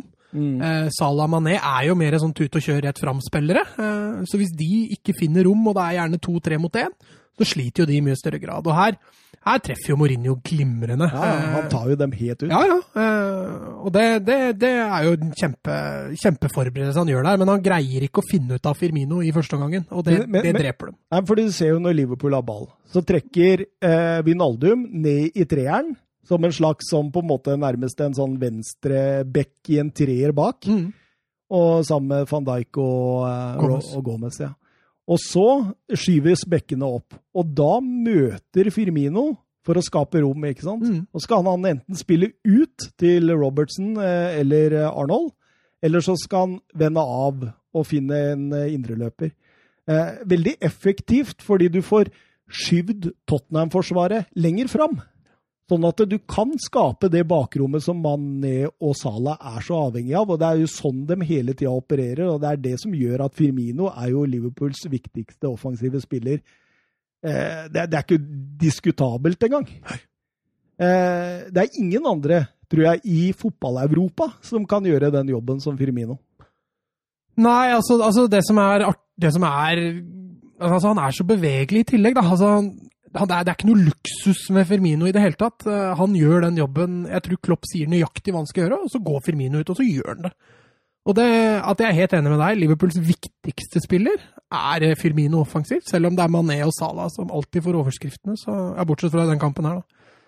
Så, så er eh, han, er, han må jo være en managers drøm i forhold til det systemet Klopp eh, ønsker å spille. Var Firmino sånn i Hoffenheim òg, eller søren? Du, det, det må jeg ærlig innrømme, det husker jeg ikke. Det, men uh, han var jo Men, men, men trolig, tenker jeg, fordi altså eh, Hoffenheim, når de solgte Firmino til Liverpool, så erstatta de jo med Joe Linton. Ja. Som er litt av den samme typen, bare litt sånn fattigmanns-Firmino. Ja, men han brukte, Joe Linton trengte jo lang tid før han faktisk slo gjennom ordentlig i Hoffenheim. Det var jo det ikke gjør han i Newcastle òg, så Ja. det, det var ikke noe, det var ikke noe suksesshistorie fra starten av, altså. Det- Var Firmino det? Ja, eh, men jeg mener å huske at Firmino Nei, hvordan var det? Jeg tror kanskje Firmino kom da de fortsatt var på andre bondestiga, eller rett etter opprykket. Jeg husker ikke helt hvordan det var. Jeg Kan hende at den kom rett etter opprykket. Men eh, Firmino var ganske god fra start, ja. 34 minutter, eh, Mané-kjangs. Robertson, Salah og Firmino kombinerer ute på venstre. Firmino legger inn mot Mané, eh, som prøver å skyte en slags sånn volleyspark. Eh, går ned i bakken og over mål. Litt eh, det, det, det er ikke så mye de kommer med, skjønner du, før målet. Nei, Liverpool, nei. Nei. Nei, Du har den gigantsjansen i starten, og så er det noe tilløp. Altså, de sliter jo med å bryte gjennom, da. Eh, Så at jeg sitter litt sånn blanda feeling, ja, nå hopper jeg til pausen kanskje, da, om Mourinho faktisk var fornøyd eller ikke. Mm. Fordi at mye av det spillet tror jeg han var kjempefornøyd med. Men det at Liverpool fikk så mye ballinnehav, så mye kontrollere, få lov å kontrollere kampen da. tenker liksom, Det må jo være vanskelig for en Tottenham-trener å være Ja. fornøyd med det. Men jeg tror eh, det var planen hans. Altså. Jo, jeg også tror Ja. det var planen. Men og det da, da må du jo være fornøyd med det når det er så, såpass. Men jeg, jeg Ja, men tenker jo som- ja, på- hvis jeg så, så spør- målet, da. Hvis jeg spør deg, da, som fan, Ja, er du fornøyd med at Tottenham spiller sånn? Mot Liverpool, hvis de har en offensiv plan i det, ja. Altså, Husker du åssen Conte møtte eh, Manchester City på Etihad? Da de bare lå ti mann bak ballen hele, hele tida og bare lempa ballen over i City sin eh, halvdel når de vant ballen. Da er jeg enig at da hadde jeg blitt skuffa. Men når du møter et Liverpool Du er et skadeskutt Tottenham, du er et Tottenham i litt sånn dårlig form, og så møter du ja, per dags dato verdens beste fotballag. Eh, Med alt det innebærer, med en Salah Mané som spiller tut og kjør og kontringsfotball, med en Firmino som møter med disse indreløpene og bekkene i verdensklasse. Altså, Så lenge du har en offensiv plan når du vinner ballen, så kan jeg akseptere det mot lag som Liverpool og City. Men du er jo så stolt av to dare is to do. Ja, ja, ja. Men altså det, Det var jo ikke så men- mye men- av det i den kampen. Men det er jo forskjell på å barbere seg og skjære av seg huet. Ikke sant? Altså, Noen ganger så må man bare akseptere situasjonen, og så gjøre det best mulig ut av det. Det er jo det de beste managerne gjør. Jo, det er jeg helt enig i. Men hvis jeg hadde tenkt som Barcelona, da Barcelona Ja, men du, du har en litt Ja, annen ja, jeg romantisk vet følelse til dette av meg. Men hvis du tenker Tiki Taka, da. Jeg blir jo frustrert når Barcelona ikke forsøker Tiki Taka. Jeg er fornøyd da, med ansettelsen av ny Vi, Barca-trener nå. vi, da. kommer, vi kommer kanskje dit etter hvert. Men, og da Vet du hva, jeg taper heller 3-2 mot Atletico Madrid, hvor Barcelona prøver å spille som de skal gjøre, enn å vinne Ja, 1-0. Men det er fordi du har råd til det. Barcelona har råd til det. De har råd til å gå på et par smeller, og likevel så er de oppi der. De er uansett i topp fire. Ikke sant? Du, Jo, du spiller jo, jo, jeg- uansett jeg- Champions League. ikke sant? Sånn er det ikke i England. Da fosser disse lagene forbi deg. Da, Jo, men ikke... året i, år i år er jo spesielt. Altså, du kan ikke ha ett feilskjær i år hvis ikke du skal holde følge med Liverpool. Du, kan du har ikke råd til ett Nei, men jeg feilskjær. tenker med de tre andre òg, da. Jo, men der har du jo vært litt feil. Der har du råd til litt feilskjær. Altså, altså City har jo tapt fem kamper i år. Ja, jo, jo, for så vidt. Du har jo det. Men samtidig, liksom, så er det jo sånn du, ah. Nei da, jeg skal ikke sette deg på Hva tenker du, Søren? Nei, altså, det er, jeg syns det, synes det er en, det er en blandingssak mellom, uh, mellom uh, egen stil og pragmatisme. Uh, jeg er egentlig enig i at de beste managerne er i stand til å tilpasse stilen sin litt, men nå er jeg jo prega av at jeg holder med et lag som ikke er et av absolutte topplagene. Eh, Så jeg møter jo Eller da er jo de trenere som virkelig er gode der, de Men- klarer jo å men- tilpasse, tilpasse stilen sin de motstanderne de møter, uten å miste sin grunninnstilling til det. Men hvis Wolfsburg møtte Bayern München, og de, du så det at de tok mye mindre hensyn defensivt, og de stupte i angrep, og så tapte de 5-0, ville du vært mer fornøyd med det enn om de, la oss si, tapte 1-0, men var nære på å ta poeng? Nei, da, da hadde jeg sittet her. Hvis jeg hadde tapt 5-0, hadde jeg sittet her og, og, og skjelt ut glassene glasene for dumskap og naivitet. Det er Ja. det jeg hadde gjort. Ja, ikke sant? Fordi det er fordi jeg heier på Tottenham, og du heier på Wolfsburg, så tenker vi litt sånn. Mens Mats, han heier på Blackburn. Og, og Barcelona. Hadde, hadde det vært Blackburn, Mats? Jeg tror jeg så Blackburn mot Birmingham i romjula. Altså, det var på Boxing Day, da. Og så går du da rett fra å se Premier League til å se Birmingham Blackburn. Det var det tur, altså. Det er, det, er, det er mye innsats, da. Det er, altså, det er mye vilje. Ja. Og så er det tomme tribuner og Ja. Ja da, ja da. Eh, 36 minutter. eh, Målet kommer til Liverpool 0-1. eh, Bobby Firmino. Eh, Innkast fra venstresiden. Aldevereld klarerer dårlig. Henderson vinner 50-50-duell med Ally på 16-meteren der, og Salah feilvendt med Sanchez i ryggen, legger ut til Firmino, som istedenfor å touche ballen, sånn som Tanganga tror, så bare lar den gå. Det er sånn Alsake, Alsake var også hett Big Benneren av det der. Ja, ja. Den Men derre la- får jo benneren bare han hører You Never Walk Alone. Så Ja, jo, ja, han er Men, også men det, det var nydelig mm. hamre den ballen i mål. Eh, Det som er surt for oss Tottenham-supportere, er jo at det innkastet det starter med, Det var feil. det var feil. Hvor var var? Nei, Nei, men, men hva, der er det jo hva, greit. skal, hva skal vi ikke ta av sånne Nei, nei. situasjoner? Eh, altså det, det er helt greit at de bommer på sånt. Det syns jeg er helt innafor. Liksom. Du kan ikke altså, Men bittert er det. Ja, det, det er jo bittert at det skulle vært Tottenham sitt. Når, når det er sagt, er det jo sånn at uh, Tottenham får jo ikke klarert ordentlig. Det var fullt mulig å klarere, og så taper de da tre dueller på rappen. Både Ali Sanchez og Tanganga taper sine dueller. Og Helt da, riktig, helt det, var, riktig, det var fullt mulig å forsvare det målet, også etter at innkastet kom. Selv om det Og, det, og, det, og det, er det, det hjelper litt, at man skulle ha klart det sjøl. Du fikk sjanser etterpå til å rette det opp. Ikke sant? Eh, så da ebber det ut da med 0-1 til pause. Fortjent nok det. Liverpool har mye ball, skaper ikke voldsomt. Eh, sjansen etter to minutter og 0-1 nok det vasseste de hadde. Eh, Tottenham får en del bort fra den første sjansen, regner jeg med. Ja, den til etter to minutter, sa jeg. Ja, ja, okay, og 0-1 var det vasseste de hadde. Tottenham, stort sett bare halvfarlig, eller? Ja, så Det er jo det vi snakka om. altså Det er jo det som er abra da, med lavt press, og som Mourinho kjører. For når du vinner ball, så har du for det første har du lang vei til mål, og for det andre så er det gjerne sånn at du kun får angrepet med én, kanskje to mann. da. Så jeg er for så vidt enig med deg. Liverpool, hadde de møtt et litt mer offensivt Tottenham-lag og gjort de samme feila, så tror jeg Tottenham kunne gjort det mye mer ut av det. Men på den annen side, da kan det hende Liverpool hadde gått til pause med 3-1 da, istedenfor 1-0. Ja. Så litt sånn hipp som happ. Jeg tror, eh, jeg tror nok eh, Liverpool ligger i hvert fall fortjent til pause med 1-0. Det Ja. føler jeg det var. Det er greit.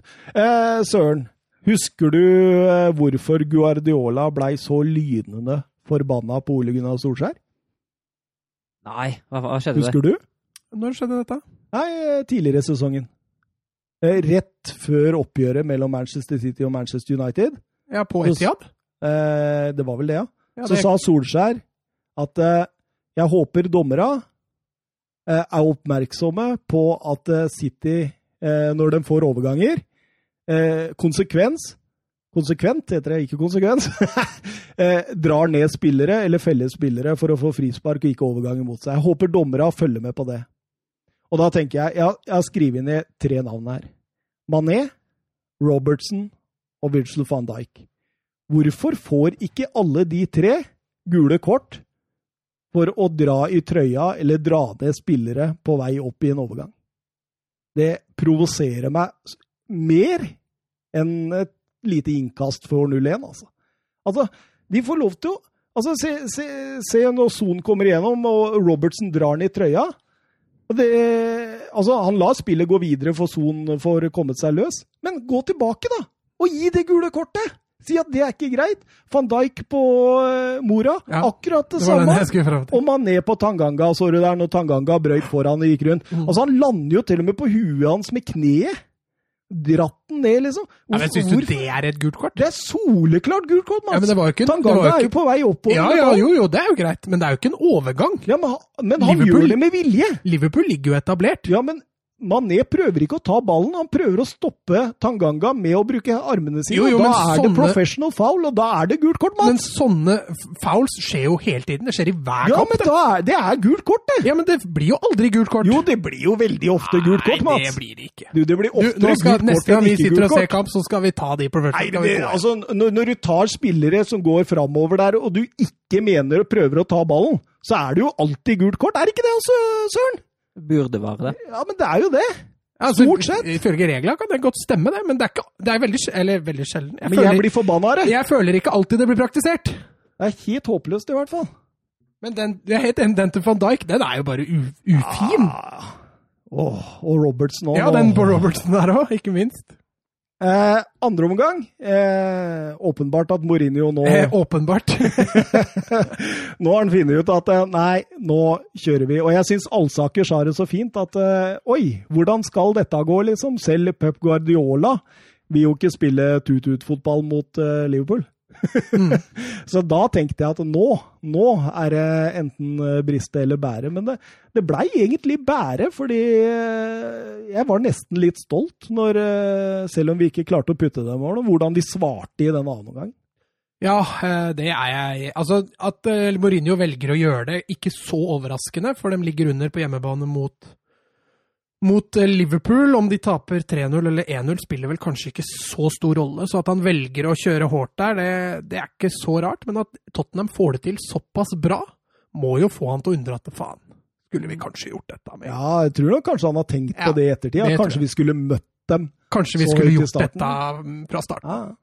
For Mourinho han eh, forandra jo helt. Han kjørte en slags eh, 4-3-3 plutselig der, med Son, Ali og Mora på topp. Eh, Liverpool eh, skulle ikke spille seg enkelt inn på Tottenhams halvdel lenger, og man kjørte eh, bekkene veldig høyt, kantene veldig høyt, indreløpet høyere og wings ned som en ballfordeler. Og det, det blei jo fantastisk, egentlig. Da spilte de jo helt på høyde og kanskje var bedre enn Liverpool i store perioder av annen omgang. Ja, den andre gangen der var et eh, Altså, de siste tre Tottenham-kampene jeg har sett, har jo vært pissedårlig, pissedårlige, rett og Ja, ja. slett. Eh, Og dette var et stort steg, altså, eh, i riktig retning. Så her ble gjort mye mer riktig den andre omgangen. Men jeg, men jeg føler også det sitter litt mentalt, da. Jeg tror Tottenham-spillere gikk litt utpå der og tenkte at fader, her har vi ingenting å tape. Nei, ikke sant? Og da blei det jo målsjanser. Da, da kom jo Mora igjennom fint, og Ali var nesten igjennom der. Fantastisk takling av van Dijk. Ja, men tenk på når han tar ned på brøstet der. Nei, når, eh, når eh, Ali er på vei gjennom og inn i 16-meteren der hvor van Dijk kommer i 190 fra sida og takler Han treffer vel ballen i ryggen, tror jeg, eller noe sånt. Da. Det er helt sånn, og Ali går over ende. Jeg trodde det var straffe. Jeg hoppa opp. Straffe! Men det uh, Viste seg at det var en perfekt takling. nydelig ryggtakling, nesten. Det var litt sånn artig å se på. Nei, for jeg husker den langballen der hvor Ali tar ned på brøstet i en trang situasjon. Ja, men den er jo, den er jo tidlig i første omgang. Ja, men det er klasse, det. Ja, ja. Det er så klasse, det. Altså, og bare det, det å få ballen til å gå rett ned etter å ha tatt den på Ja, ja. brøstet, er en jobb i seg sjøl. Men du spurter i tillegg, da. Ja, ja, med van Dijk her. Med van Dijk ved siden av deg. Etter rundt eh, 60 minutter hadde både Firmino og Son hver sin sjanse. Jeg, jeg syns jo likevel da, at eh, det blir ikke noen store sjanser til noen av laga, egentlig. I, andre. I hele andre omgang? Nei, men sånn helt i starten av annen og Nei, det utover. bruker litt tid, men, Ja. men det var mye artigere at Tottenham gikk høyere. Ja, det, det ga jo kampen en, eh, en eh, dimensjon, den. Eh, Liverpool gjør et bytte der. eh, Oxlade Chamberlain inn, Lalana ut. Det blei til det verre, syns jeg, for Liverpool. Jeg syns de mista enda mer kontroll, egentlig. Og så kommer kampens store snakkis, da i hvert fall på Twitter og hos Tottenham-forum rundt omkring i det vide verden. Robertson, Tanganga Robertson får et dårlig touch. Han prøver å rette det inn. Eh, full speed, full kraft. Treffer Tanganga. Strakt bein, knotter, rett til skinnlegg. Da skal Tanganga være glad for at han får lov å spille med skinnlegg, ellers hadde det beinet vært gjennom. Ja, Vil du få lov å spille med skinnlegg? Nei, altså, det fantes jo ikke alltid skinnlegg. Han skal være glad for at han er fotballspiller i Du 2020. tenker på leggskinn, du? Ja, Ja. ja, leggskinn. Ja, sorry. Ja, ja leggskinn. Ja. Tenkte jøss, vi alle må jo spille med en skinnlegg. så blir dette vanskelig. Nei, jeg vet hva, jeg, er, eh, jeg, jeg ser ikke sånne repriser så ofte, for jeg syns det er ubehagelig å se på. Så jeg, jeg tør ikke å kommentere så mye. Men, men, men jeg tenker jo det, altså. Der. Var. Hva i alle dager er det de driver med? Tru, altså, teorien min er at de har, som Mourinho har påpekt, de har vært litt Altså, altså jeg jobber tolvtimersvakter på jobb. Jeg, jeg, jeg, kan, jeg kan ikke si at alle tolv timene så er jeg like påskrudd gjennom hele tida. Noen ganger så slapper man av. Man tar seg litt sånn en frihet, kanskje en kaffe. Man går ut og Ikke sant? Man er ikke påskrudd hele tida i løpet av de tolvtimersvaktene. Påsen, som satt i VAR-bussen da, han hadde dømt, veit jeg, Arsenal eh, tidligkampen eh, klokka 13.00 som VAR-dommer, da. Eh, Så han har tydeligvis hatt en lang dag på jobb. det, altså det er min eneste teori, liksom. At han var avslått akkurat der og da, og dommeren eh, ba han ikke om hjelp fordi det så ut som Robertson traff ballen, og kun ballen, liksom. Ja, men han traff jo ballen. Ja, og, Han men, var og, og, først og, på- ku- og kun ballen, sa jeg. Ja, det Nei, det gjorde han jo ikke. Men eh, nei, altså, ja, det er jo det jeg sa. Jeg tror han kan ha blitt lurt av det. At han er først på ball. Det er ikke sikkert han har sett på reprisen engang, fordi han tenker at eh, der er han på ball. Men det skal ikke sitte tre dommere i, det, i den bussen. Jo, det skal vel det, men det er jo han Paasen som var, eh, var eh, Hovedvardommer. Ja, ja. Nei, jeg skjønner ikke, og det, det som jeg var inne på også, det er samme person som viste ut Aubameyang.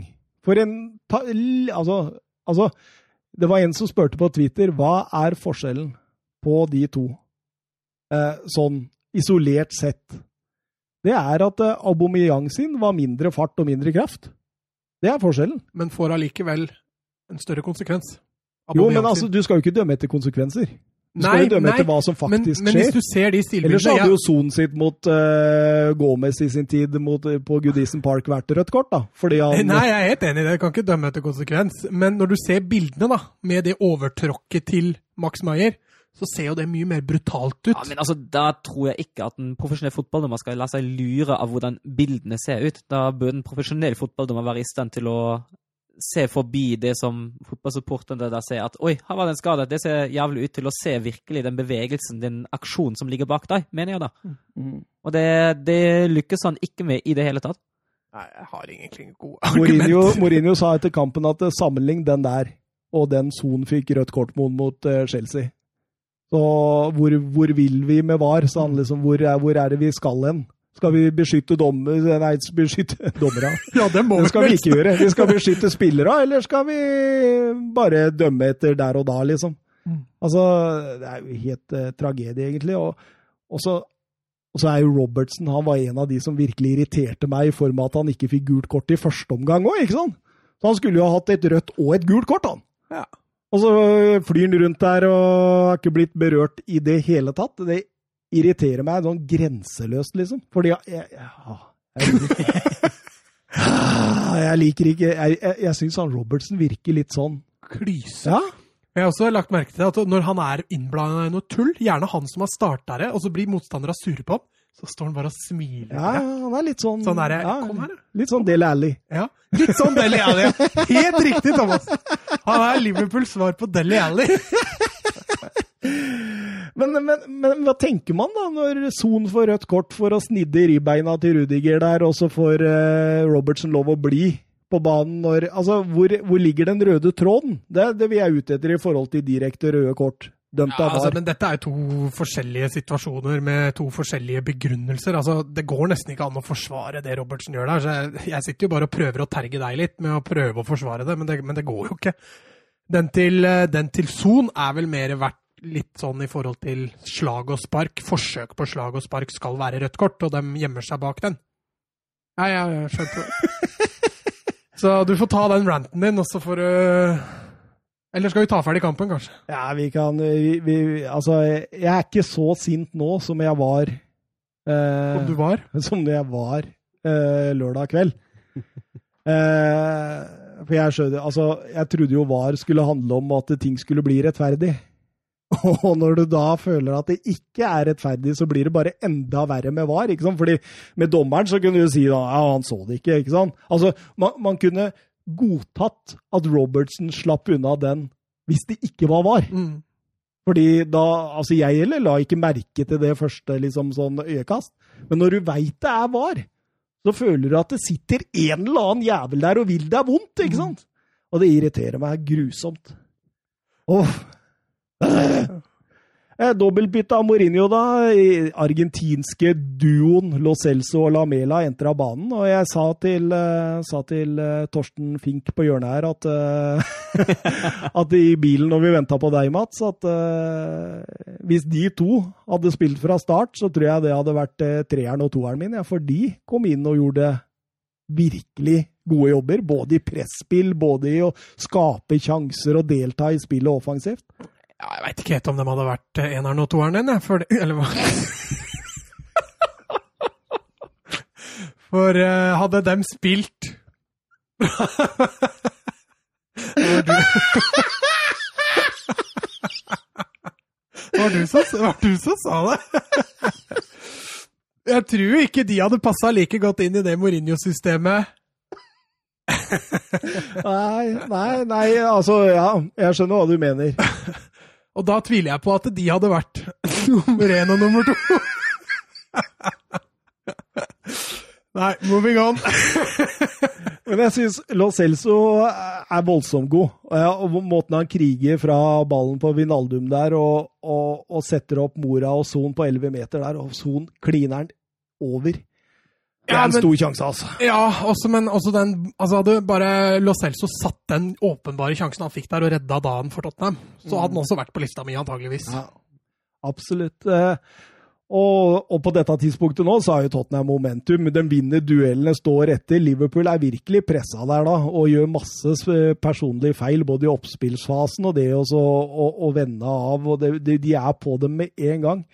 Eh, syns det var strålende spilt av Tottenham i denne tiden. Og da altså Selv Jørgen Klopp sa jo etter kampen da at det Da da røyna det på for oss.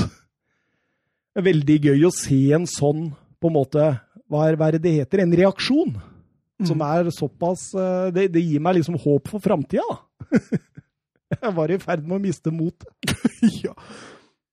Eh, og så etter 82 minutter da, så kommer den gedigne Los Celso-sjansen.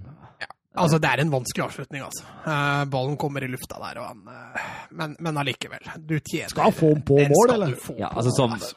som, eh, som Premier League-proff som spiller på øverste nivå, trener fotball nesten hver dag, da skal det være i stand. Altså, det er så grunn at ikke den er ryddens største miss, er fordi Williams klarte å bomme på en enda, enda større noen timer tidligere. ja, du tenker på Manchester United, Brandon Ja. Williams. Ja, Det det, var, det var ryddens største, men Lo Celso så, så du Pereira, som hadde fått assist på den når han bomma? han var så fra seg, han! eh, ja, men eh, nydelig innlegg av Aurier, forresten. Hæ? har Det. er fantastisk. Eh, 88 minutter, da får Lamela sjansen sin. Eh, eh, Nøyaktig samme oppspill og eh, måte sjansen ble lagd på som Lamela skårte mot City. Husker du den? Når han dro til sånn eh, overraskende for Ederson. Ja, stemmer det. Ja, akkurat det samme. Vendte opp, dro mot og skøyt, men Alison er nok en bedre keeper enn Ederson. Og redda greit. Eh, Origi eh, og Lamela med hver sin halvsjanse i denne, når du begynner å da også Ja, Origi, det er fin, fin, det er Origi, altså. ja, fantastisk. Det er kontroll og ballbehandling på, på høyt nivå. Altså. Og to og et halvt minutter på overtid får Son nok en uh, stor sjanse. Setter den rett på Alice. Ja, men Det er der han drar seg innover. Ja. Jeg bør han ikke spille av der, da? Jo, han bør det. Men han er litt stressa. Jo, men jeg, også, jeg har sett Son, ja, Son gjør det der ofte. Han går etter kremmerhuset og vil gjøre det Ja, sjøl. han gjør det. Han, gjør, han Han er gjør litt det. sånn sa, Ja. Tottenhams svar på Sala, Ja, føler jeg. Litt sånn, ja. Jeg er helt enig. Men det er vel det man får av Ja, ja, sånne altså- spillere. jeg kunne, altså, Gå inn der og begynne å forandre på Son tror jeg ikke er så lurt allikevel. Så får nesten bare la han holde på. Altså. Liverpool dermed historiske 61 poeng på 21 kamper. Aldri i engelsk fotballs historie har det vært et lag som har hatt så høy sum etter 21 kamper. Eh, 20 av 21 vunnet. Kun Ole Gunnar Solskjær og Manchester United som har, som har tatt poeng. Og nå møtes de neste helg.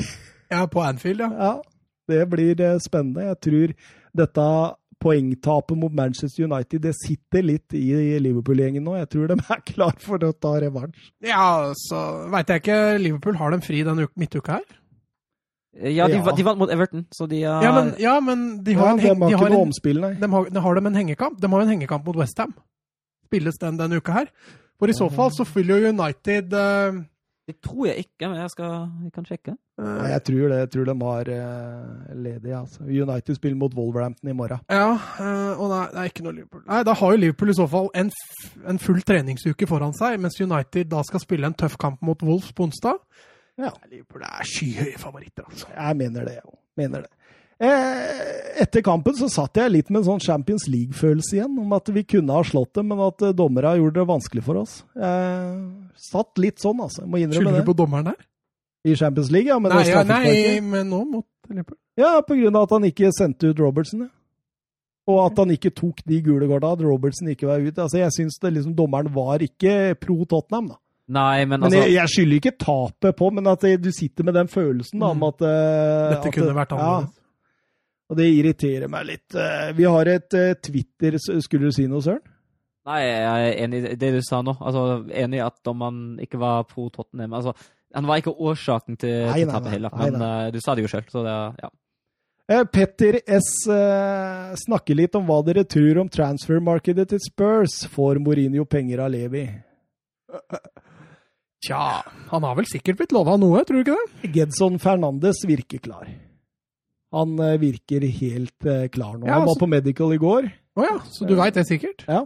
Men Eh, han- 21 år gammel spiller fra Benfica. Var det snakk om 18 måneders lån, eller? 18 måneders lån med opsjon. Ja. Oi, Mm. de har allerede en sånn en. Ja, de har en sånn en. Eh, og, men eh, ja, så. Gedson Fernandes går inn. Eh, Pjontek er eh, også etter rapportene nære, men ikke close. Og det snakkes jo om spisser i første rekke nå. Han er nære, men ikke close. Closed. Å ja, er closed, ja. Tenkte jeg jøss, det var Paradise Hotel-moment for Edvardsen der. Han er nære, men ikke close. Eh, men eh, jeg tenker eh, Jeg tenker vi får inn en spiss eller to, og Gedson Fernandes, og kanskje en høyrebekk. Det, jeg tror Tror du Mourinho har fått en del penger. Ja, du tror det. Ja, jeg tror det. Så, men, men at det kan komme noe på sånne låne... eh, det, det kan godt hende. Det er litt typisk Levi òg. Vi sparer der vi kan. Ja da. ja da. Også, men, men det er jo en fantastisk greie, da, er ikke det, Søren? Jeg ser dem gjør jo mye i Spania. Sånn- Og det å låne med opsjon. ja, det er, altså, du, og tar, Italia. du, Og Italia. Du taper jo ingenting på det. Altså, Det er to muligheter. Enten så slå den gjennom, og da har du forhandla kjøpsprisen på forhånd, så bare slår du til. Eller Ja. så slår den ikke gjennom, bare sender den tilbake til klubben, og så har du egentlig ingen ulemper ved å gjøre det. Ikke i det hele tatt. Ikke sant? Det er jo helt perfekt. Så det er helt greit med en sånn ung, talentfull spiller som f.eks. Gedson Fernandes. Da. Mm.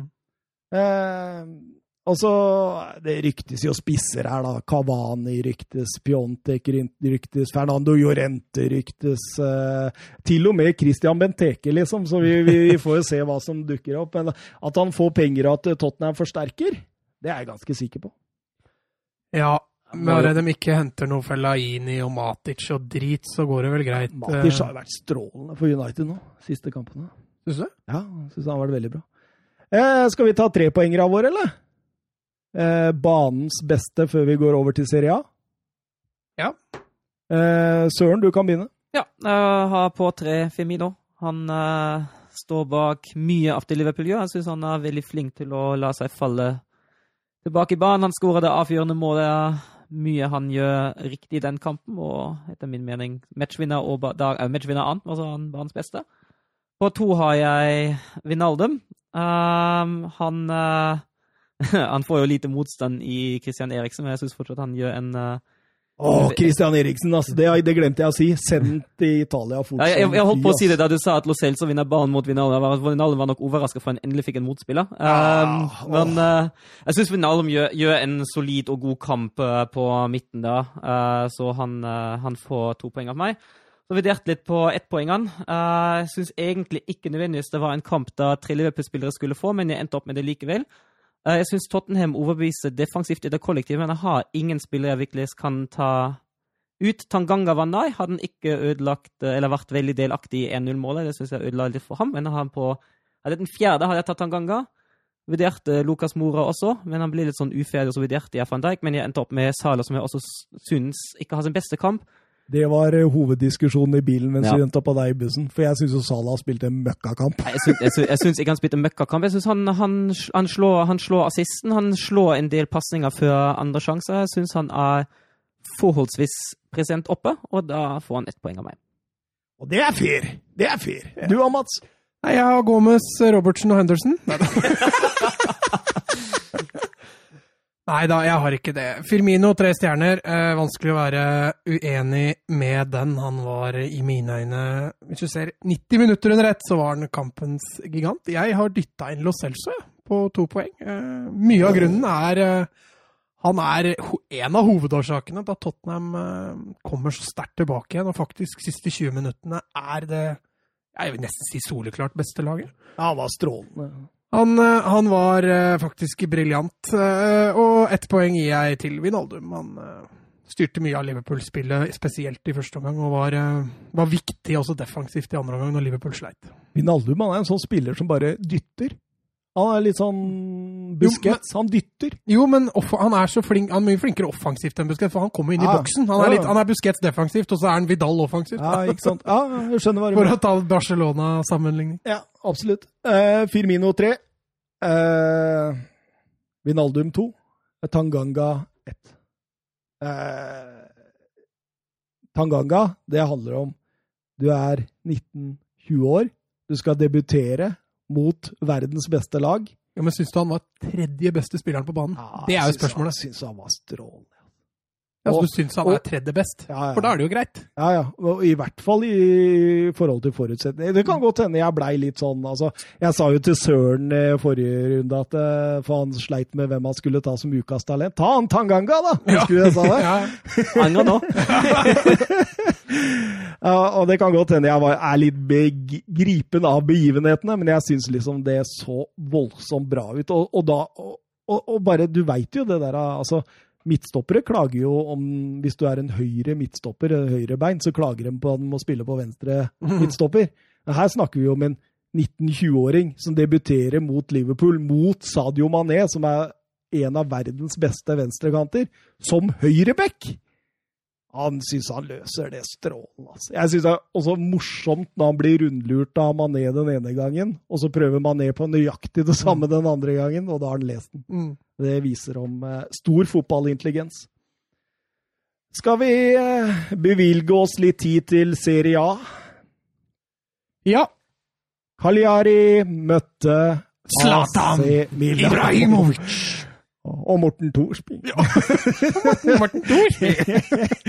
ikke Morten Thorsby denne gangen, men det, det, jeg glemmer ikke at du var mest, mest ivrig på å prate om Morten Men nå Thorsby. skåra Zlatan. Det Nå skåra Zlatan. Han gjorde det òg. Din eh, Du har skrytt litt av Rafael Leao tidligere, han òg. Han Altså, Det overraska meg så mye når jeg så den startoppstillinga. Ikke bare hadde han dytta inn Zlatan, men han dytta jaggu inn Rafael Leao òg. Da Ja. tenkte jeg nå Og, grunn, og grunnen til at han kunne det, er jo at han bytta fra 4-3-3 til en rein 4-4-2. Yep. Eh, Førsteomgangen egentlig svak fra begge lag. Eh, syns Milan eh, knapt det beste, gode, beste laget av dem. Men jeg syns Knapt, knapt. Ja, knapt, knapt.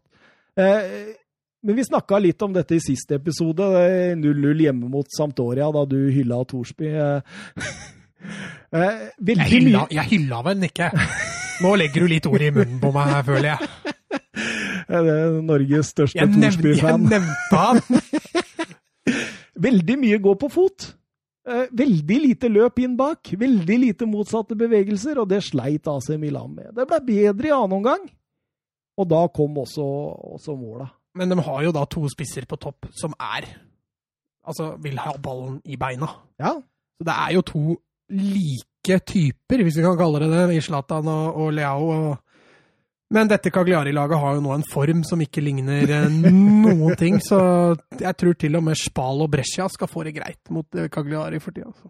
vi satt og snakka om det, Søren, Ja. at det begynner å normalisere seg i Ja. Cagliari. Nå er det jo nesten allerede under nummeret. fire tap på rad nå. Det- Og, og så ser det jo Det ser jo ikke bra ut heller. Det, altså, Nei, Det er litt kjedelig å se på dem, egentlig. ja, jeg, hva, hva var det mot Mia? Jeg hadde én god sjanse, den, den lobben som eh, Donnarumma redda. Altså, det er ikke så mye ellers som kommer da, altså. De fikk, eh, når de tapte på overtid der mot Lazio etter å ha leda hele Ja. matchen, etter det så Ja, har det, har det falt rett. som et korthus der. Altså. Men eh, Zlatan eh, Ibrahimovic eh, kåra til banens beste spiller, og jeg leste i var det vel Gazella del Sport eller noe sånt, da, hvor de sa, skrev at Zlatan gjorde mer i løpet av denne kampen enn Pjontek har gjort under hele sesongen. Det blir artig å se han i Tottenham. Da. ja, men så tenkte jeg Pjontek har fem mål i år, så det var jo voldsom sammenligning. Eh, visste dere at Zlatan eh, var den spilleren som ble målt til tredje høyeste hastighet i hele runden?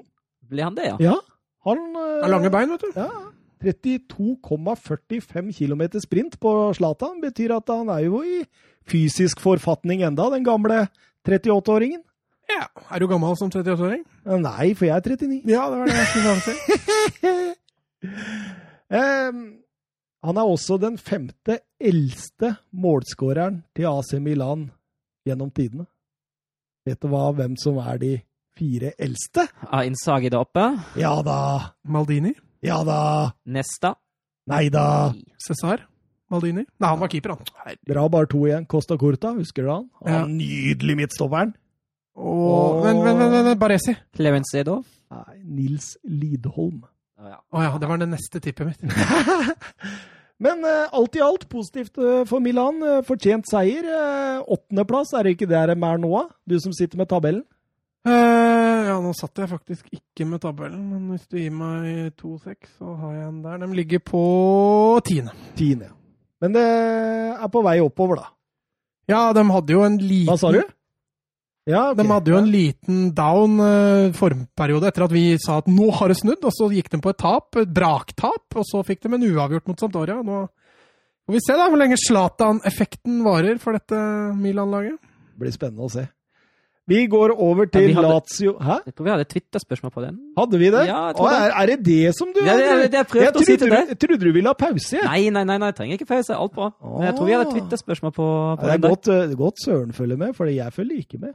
Hva var Twitter-spørsmålet, Søren? Nei, det var vel Det var uh, Jørgen Nystuen som eh, ville prate litt om Slatan. Zlatan. Eh, Hvor mange goals vil det komme derfra i år? Oh. Han har vel bare kontrakt ut sesongen? Ja.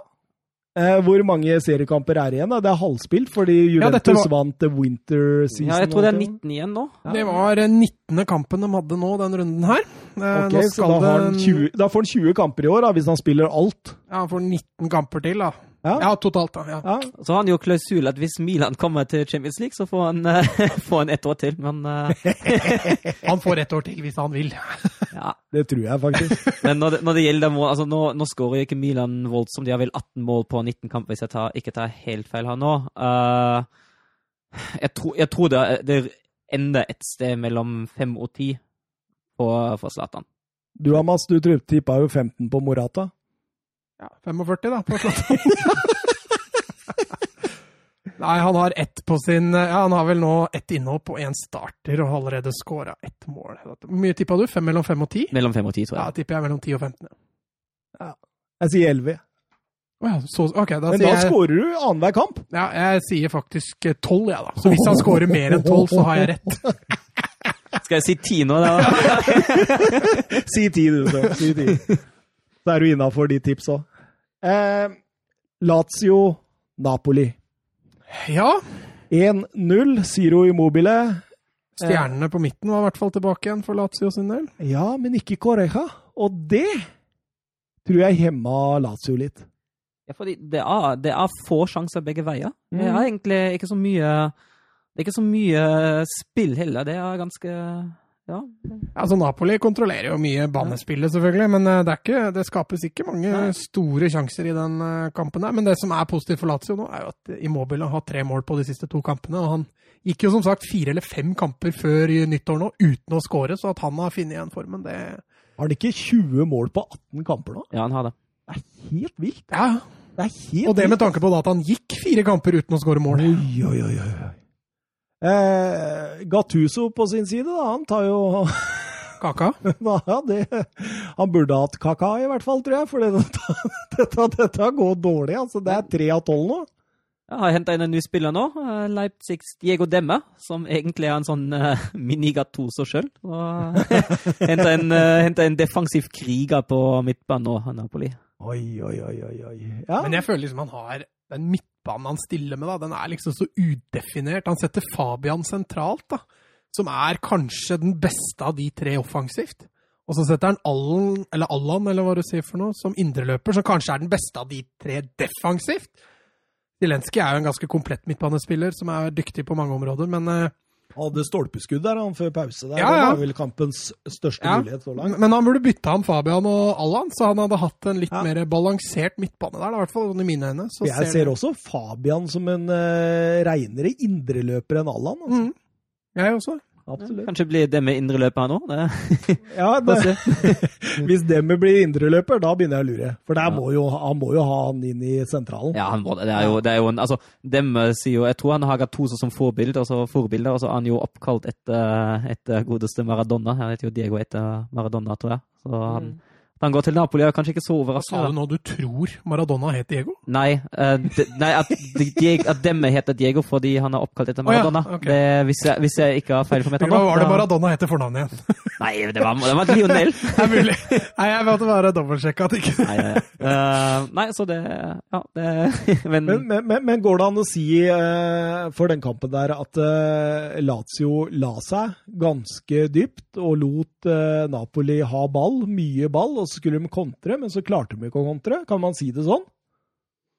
Ja, altså det, det mangler jo, det er som du sier, når de ikke har Korea der, så mangler de den mellomromsspilleren å, å bruke i oppspillsfasen. Og, og, og, og Caicedo kan vi si mye bra om, altså, som superinnbytter, men å starte kamper, det klarer han i hvert fall ikke. Og i hvert fall ikke linke så mye opp med Immobile. Nei, han er jo en, han er jo en boksspiller. Han må få mye å jobbe med i boks. og det er klart Når Lazio legger seg bakpå, så kommer ikke Caicedo til sin rett. altså. Så, Men Correja, han har jo bare Han kunne vel kanskje ha sittet på benken, men jeg hørte et intervju med Insagi etter kampen hvor han sier det at jeg turte ikke, for jeg visste at Correja ville ha mast på meg så mye at jeg hadde gitt opp på presset, og så hadde han blitt skada igjen. mm.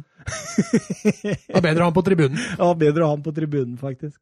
Så han er jo tilbake sannsynligvis eh, om ikke så lenge, og da Viktig i link-upen, tror jeg, til Immobile og sånt. Jeg syns Mm. Lazio sleit voldsomt, og jeg syns han Lazio-keeperen, hva er han heter, Thomas Stracosa eller noe sånt? ja, Stracosa. Syns, Ja. Han virker bra, altså. Ja. Han er en strålende keeper. Jeg synes Hvor, han, hvor var det han var fra igjen? Er ikke han, at han albansk eller noe sånt? Ja, han er fra Jo, Albania, stemmer det. Han er fra Det er ikke akkurat en stor keepernasjon han kommer fra, men han virker, virker solid. da. ja, han gjør det.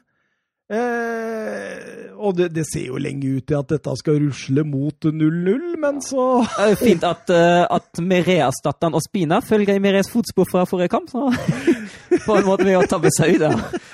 Jeg veit ikke hva han tenkte der. Altså. Det går jo ikke an er bare å skyte den banen alle steder. Han prøvde vel å drible av sistemann, da. Ja, det er smart. Eh, så Gattuso tok skylda på det sjøl etter kampen. Sa det at eh, eh, han gjorde, gjør jo bare det jeg ber ham om å gjøre. Miste og da ballen tenker jeg, ja, det var det jeg tenkte jeg òg. Å miste ballen som bakerst er det det du ber om å gjøre. Da er det ikke rart det går dårlig med Napoli. Du, David, etter 82 minutter Da tar du Da tar du og mister ballen, ikke sant? Det var dårlig. Det var dårlig italiensk. Eh, Gresta da polja, da mister du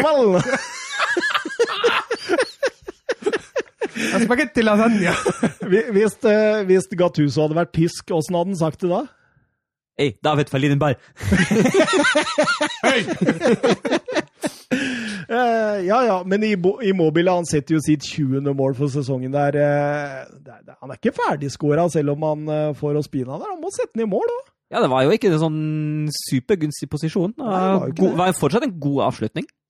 Og Valon Berisha, han får ni minutter. Ja, han, eh, nei, han er blitt en backup eh, på midtbanen der, eh, men han fikk jo heller ikke spille så mye når Leiv, selv om Leiva og eh, Jeg tror han er skikkelig ute i kulda, skjønner du. Det var derfor. Jeg, jeg så, så en sånn twittermelding fra en, en Lazio-supporter som sa ah, Berisha på benken. Ja, da, da.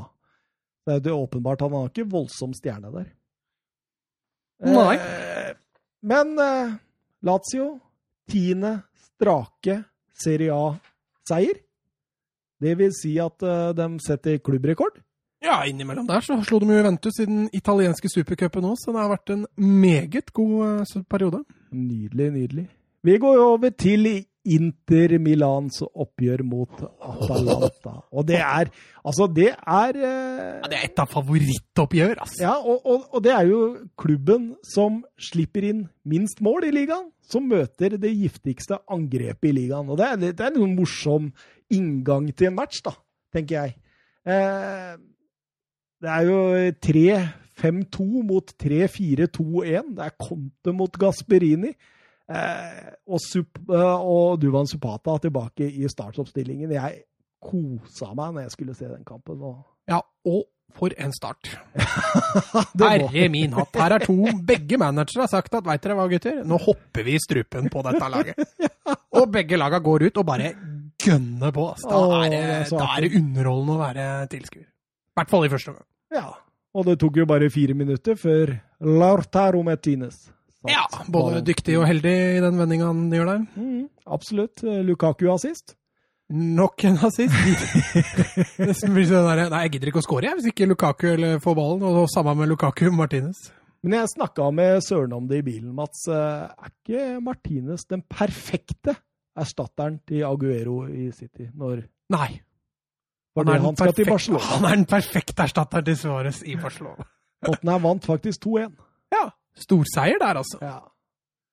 George Saville satt 2-1 uh, sju minutter før slutt. Ja ja, da lever håpet om at jeg må sykle, da, Thomas. Å, det er så deilig, det er så deilig! Det var ikke akkurat Middlesbrough jeg forventa skulle ta den, så Så, De er, eh, det er du har flere matchballer? Jeg har fortsatt litt uh, trua, altså. Men uh, det er vel åttendels nå, er det ikke det?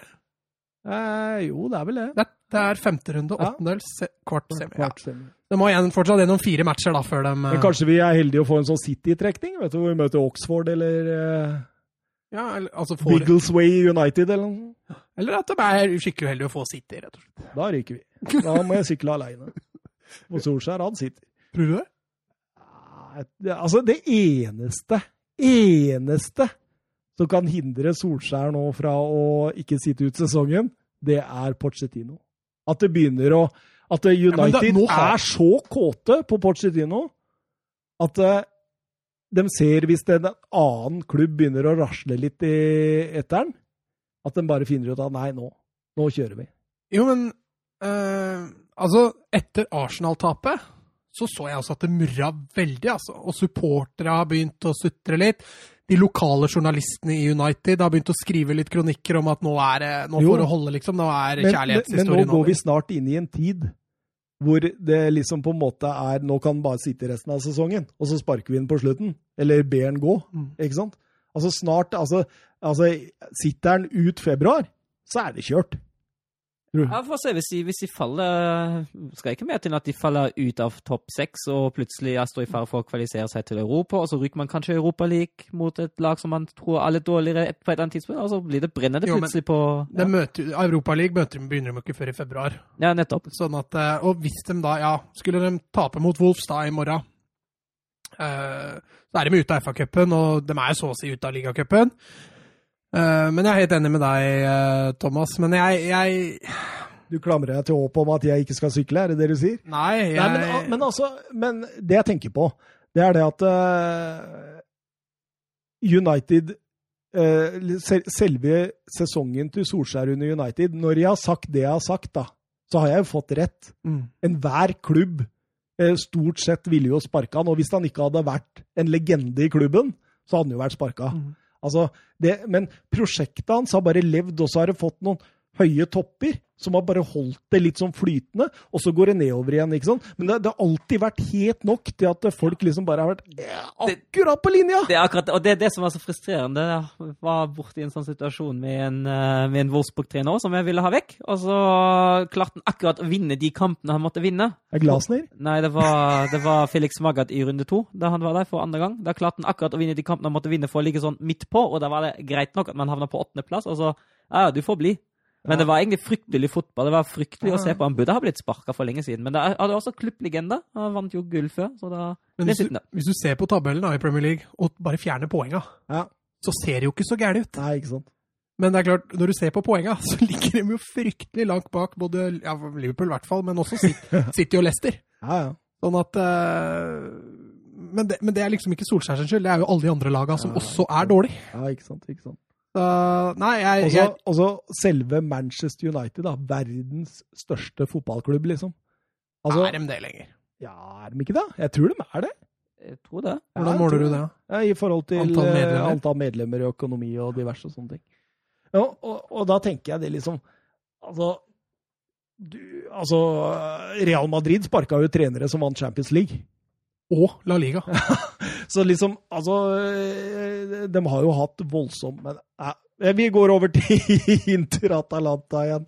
Eh, utrolig morsom kamp. Eh, Inter svært gode i defensivt, syns jeg, i store deler av kampen. Ja, men jeg syns jo det offensive dabba av for begge lag Ja. utover i kampen. Så Mm. den, det, det fyrverkeriet vi fikk i hvert fall 30 minutter i første omgang, det blei jo bare svakere og svakere. Ja, før uh, utover i annen omgang, for da syns jeg Atalanta og Gasperini uh, kjørte showet. Ja, altså Det kommer veldig fram da, at Atalanta er veldig godt trent. altså. Mm. Altså det, det å kjøre et sånt show Ja, de tok seg noen pauser, men eh, de sto 90 minutter og jobba og, og kjempa Inter ut av stilen litt. Altså. Ja, Gasperini han tok grep. Han, han tok ut Zapata, som ikke funka etter skaden, egentlig. Satte inn Malinowski.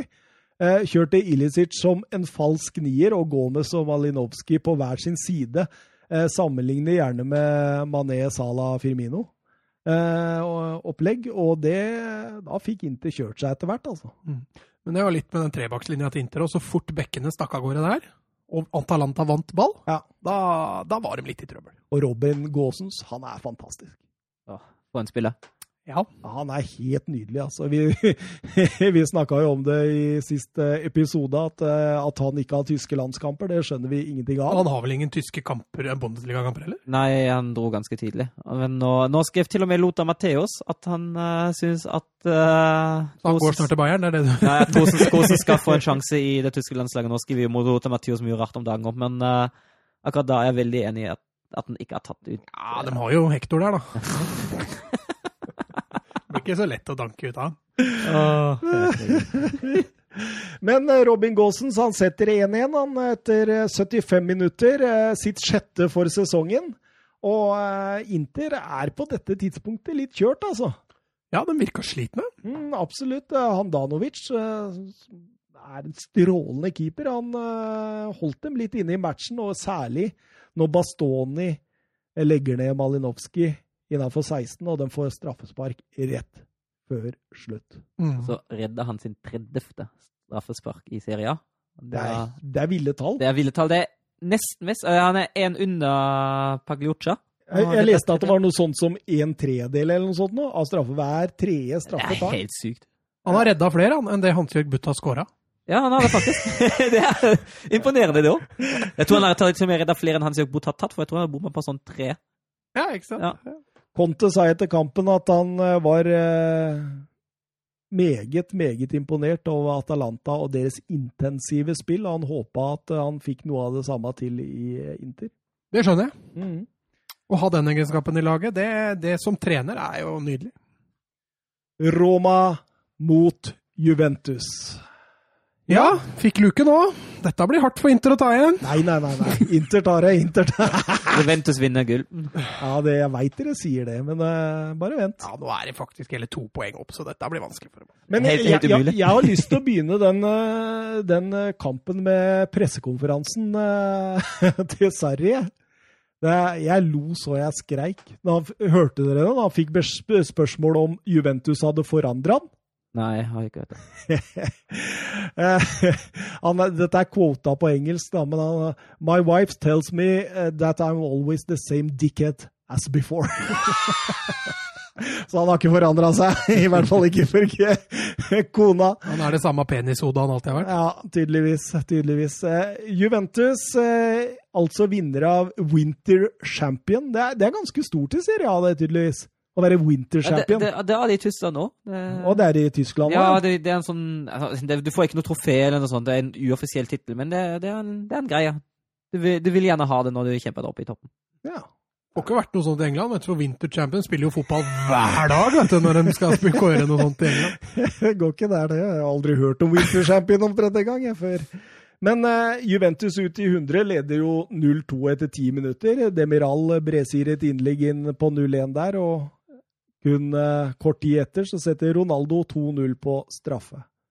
Etter det, Så da gadd ikke Juventus noe mer. da. da stoppa de å spille fotball, da. Nå har vi dette, tenkte de. Eh, Fælt med Demiral og Sanojolo. Ja, veldig sånn Demiral holdt jo på å få en veldig fin dag, skåra sitt første mål for Juventus, og så stykk skade. Stygg skade på Sanjolo. Begge to har vel uh, Sanjolo røyk, røyk, begge røyk, to. Ja, begge to røyk ved korsbånd, og begge to er vel uh, Men det er liksom Demiral ryker korsbåndet etter 19 minutter.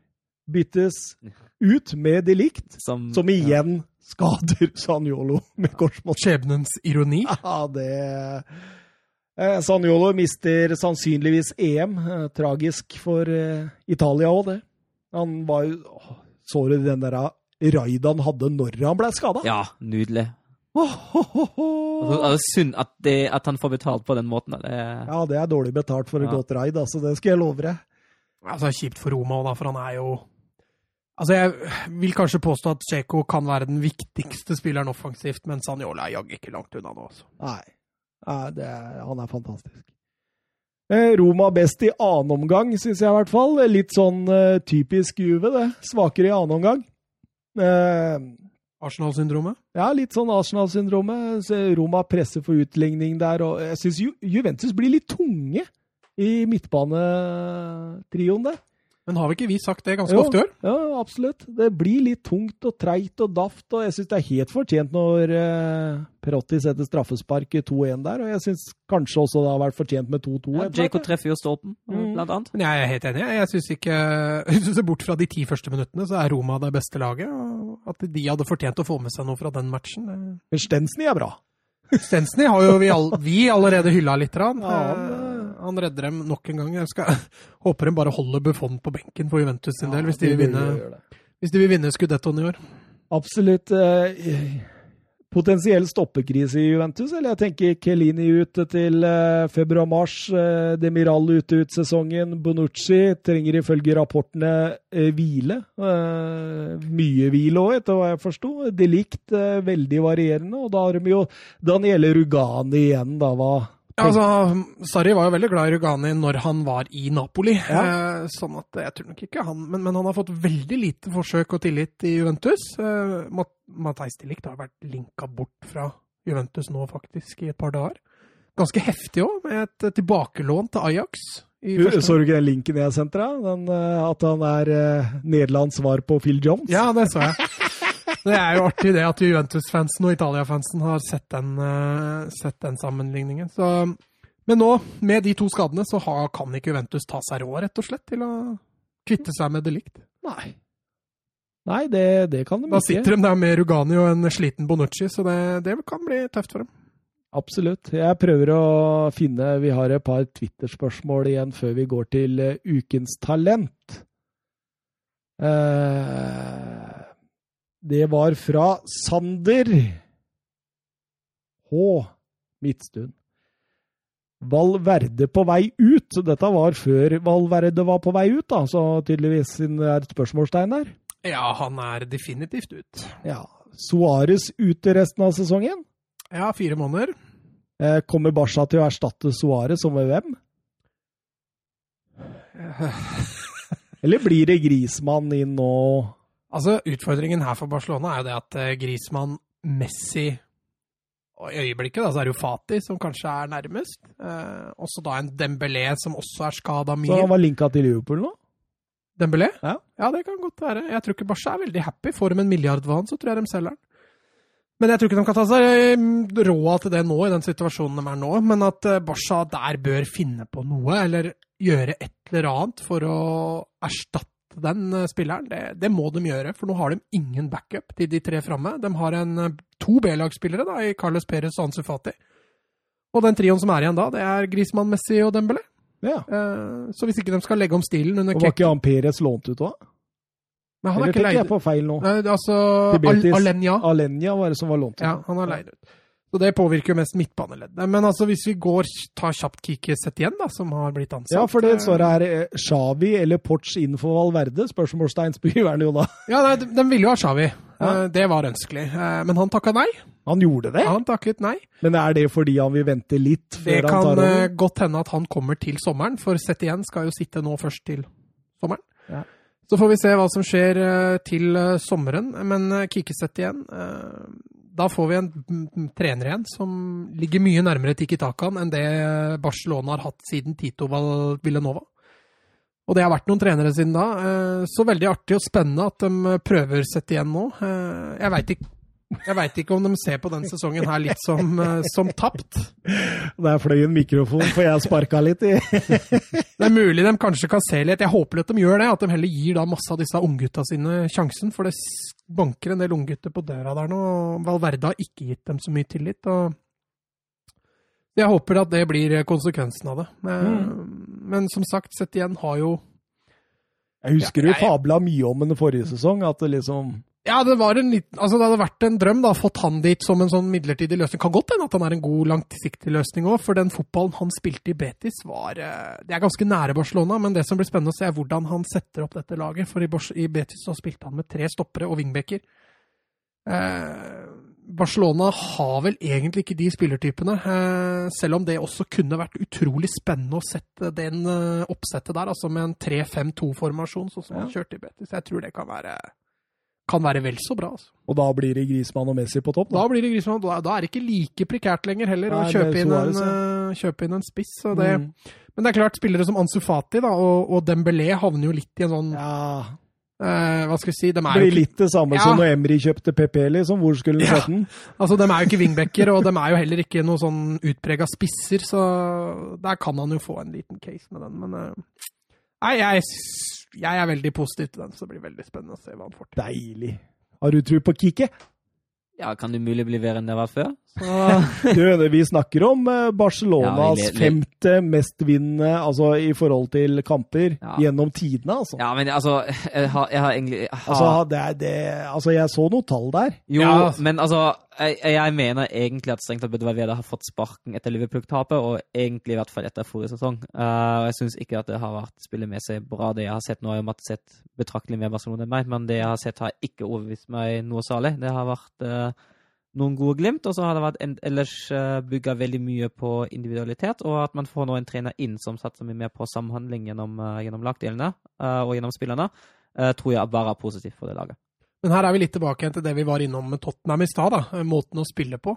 Eh, Jeg taper som sagt heller 3-2 mot Atletico Madrid og spiller Tiki Taka og prøver å kjøre dette høye gegenpresset og alt sammen, enn å eh, vinne 1-5-0, da, og så spille Valverde-fotball.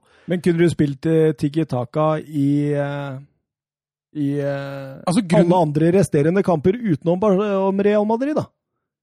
Altså, dette handler jo om identiteten til klubben. Altså, grunnen til at jeg blei glad i Barcelona, var jo nettopp av Tiki Taka-fotballen og Ronaldinho når han kom i sin tid. Det var da jeg begynte å følge Barcelona. Ja. Og blei jo egentlig veldig glad i Da du gikk fra Blackburn til Barcelona, sier du? Nei, jeg er fortsatt litt Blackburn. men, eh, men det var jo da jeg blei veldig glad i Barcelona, og måten de spilte fotball på. Og eh, etter Guardiola og Villanova så har Barcelona bare sakte, men sikkert bevega seg vekk fra eh, denne spillemåten å spille på, og, og Kikiset igjen er et stort steg tilbake igjen i den retningen Ja, jeg mener Barcelona bør spille. deilig. Det blir spennende, da. Det er jo utvilsomt. Det blir gøy å se neste Barca-kamp. Ja, Det blir spennende å se mye han har greid å få til, og, og det blir veldig spennende å se Ja, men i forhold til formasjonen? Ja, og sånn. altså måten han setter opp, blir veldig At, at det blir, kan bli fyrverkeri med en gang i forhold til det, det er jo ikke sikkert. Didrik eh, Tofte Nilsen vet ikke om dere skal ha noe fra Supercopa-kampene. Det skal vi ikke, Didrik. Ingen av oss gadd å se dem når vi så at det ble 0-0. Men hva er det 90 minutters syn på det Valverde gjør i andre ekstraomgang? Altså, Morata er aleine igjennom, kan sette spikeren i kista for Real Madrid. Alene mot Courtois. Og Fede Valverde, han løper etter med ett eneste mål, og det er å felle Morata. Ja, altså for det, altså for det første er jo kjempeusportslig. Uh, Ja, altså det, det- det, er poeng én her. Uh, at det er Men hadde ikke vi digga det om, uh, om Gillevogi hadde gjort det i siste minutt? Ja, det, det er jo det andre poenget. På det andre poenget er det jo, er det jo ganske kynisk. Og det redder jo laget, det, det uavgjorte og inn til straffekonk. Fordi jeg tror Morata Altså, Morata var jo, har jo en gigasjanse og var på vei til å skåre. Så han, han Morata aleine med keeper. Ja, okay, ja, greit, da. Greit, da. på vei til å har skåre. du Nå må du- 15 mål på den, altså. Nå må Men, nå- eh, men altså, det er jo, det er jo det er både kjempeusportslig og kjempekynisk, så det er jo, det er jo eh, Ja, altså Men ble ikke Solskjær hylla av Ferguson når han gjorde det Nei, mot Newcastle? han fikk kjeft. Det var omvendt, ja. Ja. Han fikk kjeft, ja. ja. Mm. For han tok jo rett og slett Det var en- ikke sånn de skulle gjøre i Manchester United. Nei. De fikk en klar beskjed om. Ja. det syns, Jeg syns jo egentlig at det, det er bra at, at man får kjeft for sånt. Jeg, Jeg er Men litt, supportere digger det. ja, selvfølgelig digger supportere det, men jeg, jeg, syns, det er fint at man danner en kultur der man eh, har litt fair play. Uh, fair play-tanken. Ja. Jeg syns det, jeg syns det er fair. Uh, og ja, Så vi fordømmer det, men vi syns det er litt kult. Altså, vi husker Suárez i VM, når han redda med hånda, Ja. og det endte opp med at Uruguay Ja. gikk videre. Han blei jo hylla så det sang I hjemlandet, I hjemlandet. I hjemlandet ja. sitt. Det har jeg litt sånn kulturelle forskjeller òg, da. I Norge så filming og sånn, det er noe forbanna dritt. Men Husker jo Arild Sundgodt sens mot Ja, det blei jo eh, kjempeskriverier. Eh, mens i Spania, litt sånn søramerikanske takter, mye mer akseptert. Mm. Ja, jeg tror også i England så er ikke det så akseptert. Det tror jeg ikke. Og det, det merka jo Solskjær sikkert også. Mm. Uh, ja. Men uh, nei, jeg syns Jeg hadde vel sikkert digga det hvis det var min egen spiller. Og så hadde jeg syntes det var forferdelig om det skjedde imot mitt lag. Eh, men eh, hørte det var enkelte Real Madrid-fans som ville ha han på sokkel. Så han har jo skaffa seg et navn nå, da. Altså, Denne sesongen her har jo vært det store gjennombruddet for Valverde, og fansen i Real Madrid tror jeg nok eh, verdsetter Valverde svært høyt. Altså hjelper det at han gjør dette her mot Atletico Madrid. Det er enda kulere enn hvis han gjør det mot uh, Eiba eller Levante eller noe sånt. Altså. Og så ender det opp med at de vinner. ikke sant? Ja, Så han blir, han blir på Ja. en måte en matchvinner med en sånn greie. og det, ja, Man kan like det, man kan hate det. Da har vi bare ukas talent igjen, da. Neste, neste episode så er jo også Bundesligaen eh, med. Åh, okay. Åh, da kan Mats snakke om Jonathan Ta. har du, sa- Nei, du ja. savna han? Savna Jonathan Ta, ja. Ja. Å snakke om Jonathan Ta, det, Spilleren med hardere mottak enn skudd. det er helt riktig. Tysklands svar på Peter Wernie. Eh, skal vi ta talentene våre? eh, hvem skal begynne? Eller melde deg fortelle, Søren Ja. Torstein. Jeg kan starte, jeg. Ja. Jeg har gått for Aaron Hickey. Han er født 10. juni 2002 og er da 17 år gammel. Han er skotsk, og han spiller i Edinburgh-klubben Hearts of Midlothian. Uh, han spiller hovedsakelig på back. Uh, mest venstreback, men kan også spille høyre back. Men han var egentlig opprinnelig midtbanespiller.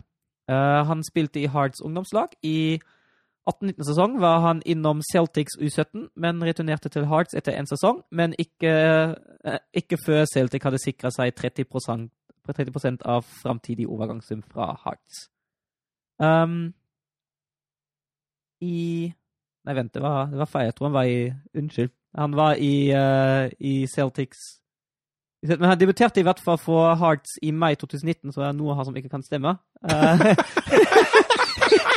Jeg ser du begynner å bli rød i trynet. Ja, Skriv et eller annet feil! Nei, han, eh, han var innom Celtics i 17, det var han i hvert fall, men jeg må nok dobbeltsjekke nå dette vei. Men eh, ja. Dobbeltsjekk det til neste episode. Du, Jeg gjør det. Jeg gjør det. Uh, men han debuterte for Hearts uh, i, for første laget da, i serien som 16-åring i mai 2019, og han starta også i cupfinalen to uker seinere, som de tapte 1-2 mot Celtic. Eh, denne sesongen har han blitt førstevalget. Han har starta 18 kamper, eh, og de han ikke har starta på, har hatt en enten karantene eller var skada. Eller de, nei, han de har ikke spilt. Uh, han spilte 18 kamper. De aller fleste fra start, eller alle fra start, 17 eller 18. Um, og så har han skåret sitt eneste mål uh, i derbyet mot Hibernian til en uh, sen seier til Hearts på Hibernian stadion. Så da nok, uh, fikk han nok en stor stjerne blant fansen. Han har tre kamper for Skottlands U17, og han venter på sin debut i Skottlands U19. Um, han er ekstremt fleksibel. Han har ikke bare spilt på backplass, han har også spilt som sentral midtstopper, og så har han spilt som uh, høyre midtbane også denne sesongen. Uh, den fleksibiliteten din uh, vises også i, i den sterke foten, for han har to sterke føtter. Um, han er fullstendig tobeint, og han kan brukes like så godt på begge bekker. Eh, han er god i fotarbeid, og han er god teknisk. Han er rolig når han har barn, og han er, han er sterk i, i duellene. Uh, det som han uh, må jobbe litt med, det er nok målpoengene. Han har bare den ene scoring på 18 kamper. Eh, han har Ja. Bekko Bekk og bare én scoring Ja, men på han, han, 18 han, han, kamper. han, har ingen, han har ingen assist heller, så han, han må nok jobbe litt, nok jobbe litt med det der. At han får litt uh, Får bidra litt mer fremme. Men eh, ja, jeg er, usikker, jeg er litt usikker på hvor god han egentlig kommer til å bli. Men, Jeg har eh, lest om den, jeg òg. Ja. Jeg tror han er ganske bra. men uh, jeg tror det, er, det ser lovende ut. Og, an, og angivelig skal Manchester City og Southampton allerede snuse litt på ham. Ja. Oi, oi, oi, oi, oi. Nye Andrew Robertson der, altså. Nå. Nå. Skal jeg kjøre, eller? Ja, kjør, du. Jeg har uh, Mr. Mattis Røyan Sjerki. Har du hørt om den? Ja, fransk. Ja, fordi jeg uh, Fra- sa 'Nå har jeg funnet et Ja. talent'! Men han spiller i Lyon. Ja, han gjør det. Han gjør det. Han er født 17. august 2003, det vil si at han er 16 år, i Pusignan i Frankrike. Det ligger rett utenfor Lyon. Eh, han er vokst opp eh, rett utenfor Lyon av foreldre fra Algerie. Startet i Saint Priest, eh, samme klubben som Feker eh, kom fra, før han gikk til Lyon i sin tid. Men det tok ikke lang tid før Lyon tok kontakt og sa 'han tar vi'. Da var eh, Cherki sju år gammel og blei innlemmet Lyon-akademiet. Og talentet har siden vært ubestridt. Han eh, kunne rett og slett ikke spille fotball med spillere som var like gamle som han. Eh, da blei det feige lag. Eh, som 13-åring så opplevde han en eh, voldsom eh, kneskade.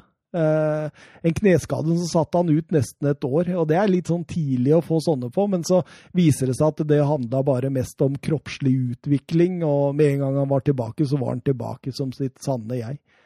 I september 2018 ble han den yngste målskårer til å skåre i Uefa Youth League som 15 år og 33 dager gammel. Eh, målet kom i Lyons 4-1-seier mot Manchester City. Eh, den rekorden mistet han litt senere til Mokoko, som vi også har eh, snakket om i spalten vår.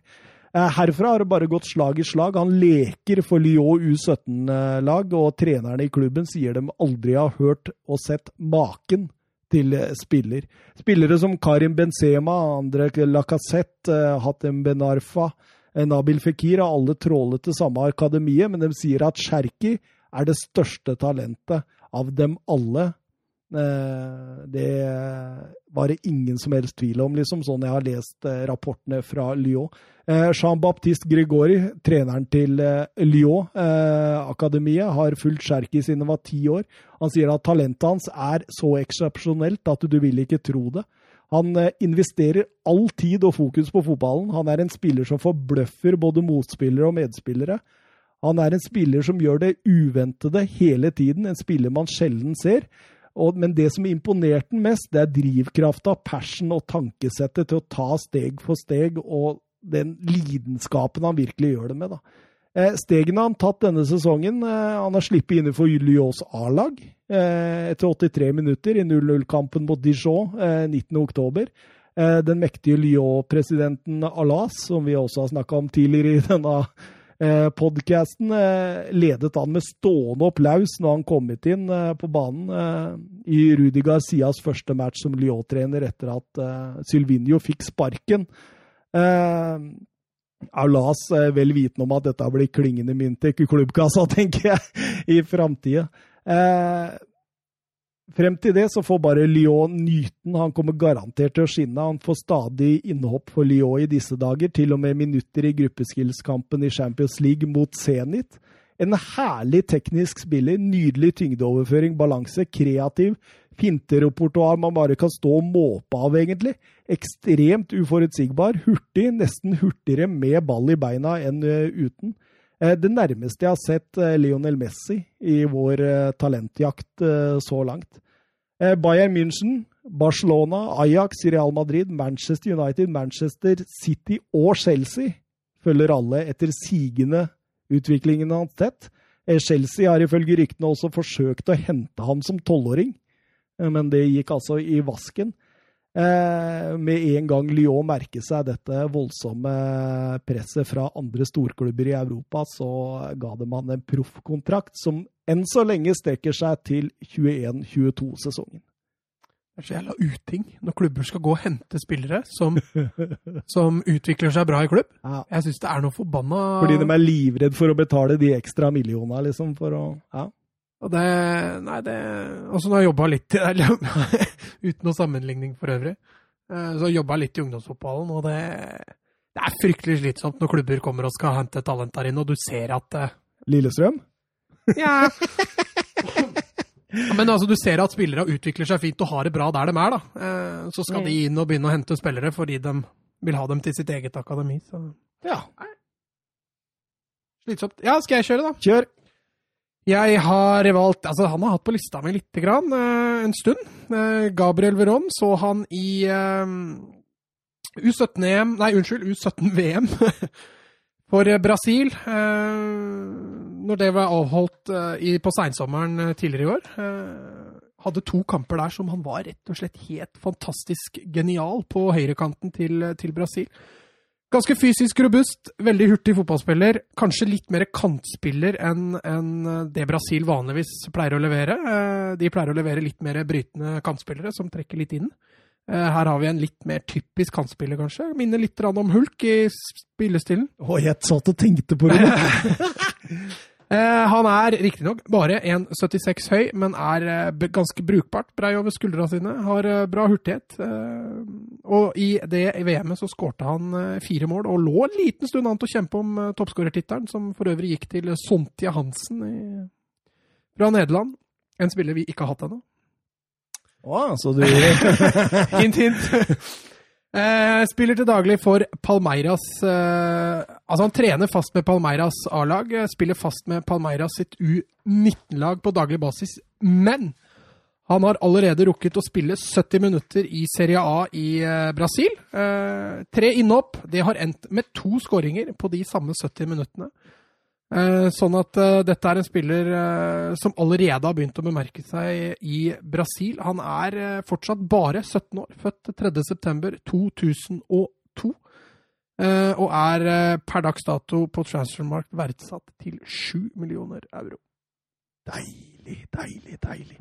Veron er jo også et navn som Han klinger har bra, eh, ingenting med den uh, familien å gjøre, så vidt jeg jeg har lest. siden han var fra Brasil og ikke fra Argentina. Kan jo hende Johan Sebastian har funnet seg en brasiliansk Åh. Oh. Det hadde blitt gode gener, vet du. det hadde blitt gode gener. Apropos gode gener. Apropos. sønnen til Så kikka jeg på Kikka jeg på Søren! Så han bare lyste over. Sønnen til Aguero. Han har sannsynligvis gode gener. Ja, det er, eh, Mora er uh, dattera til Maradona. Og, ja, det er det bildet. Jeg vet ikke jeg har sagt det før, men det bildet er jo og gu gudfaren er Messi.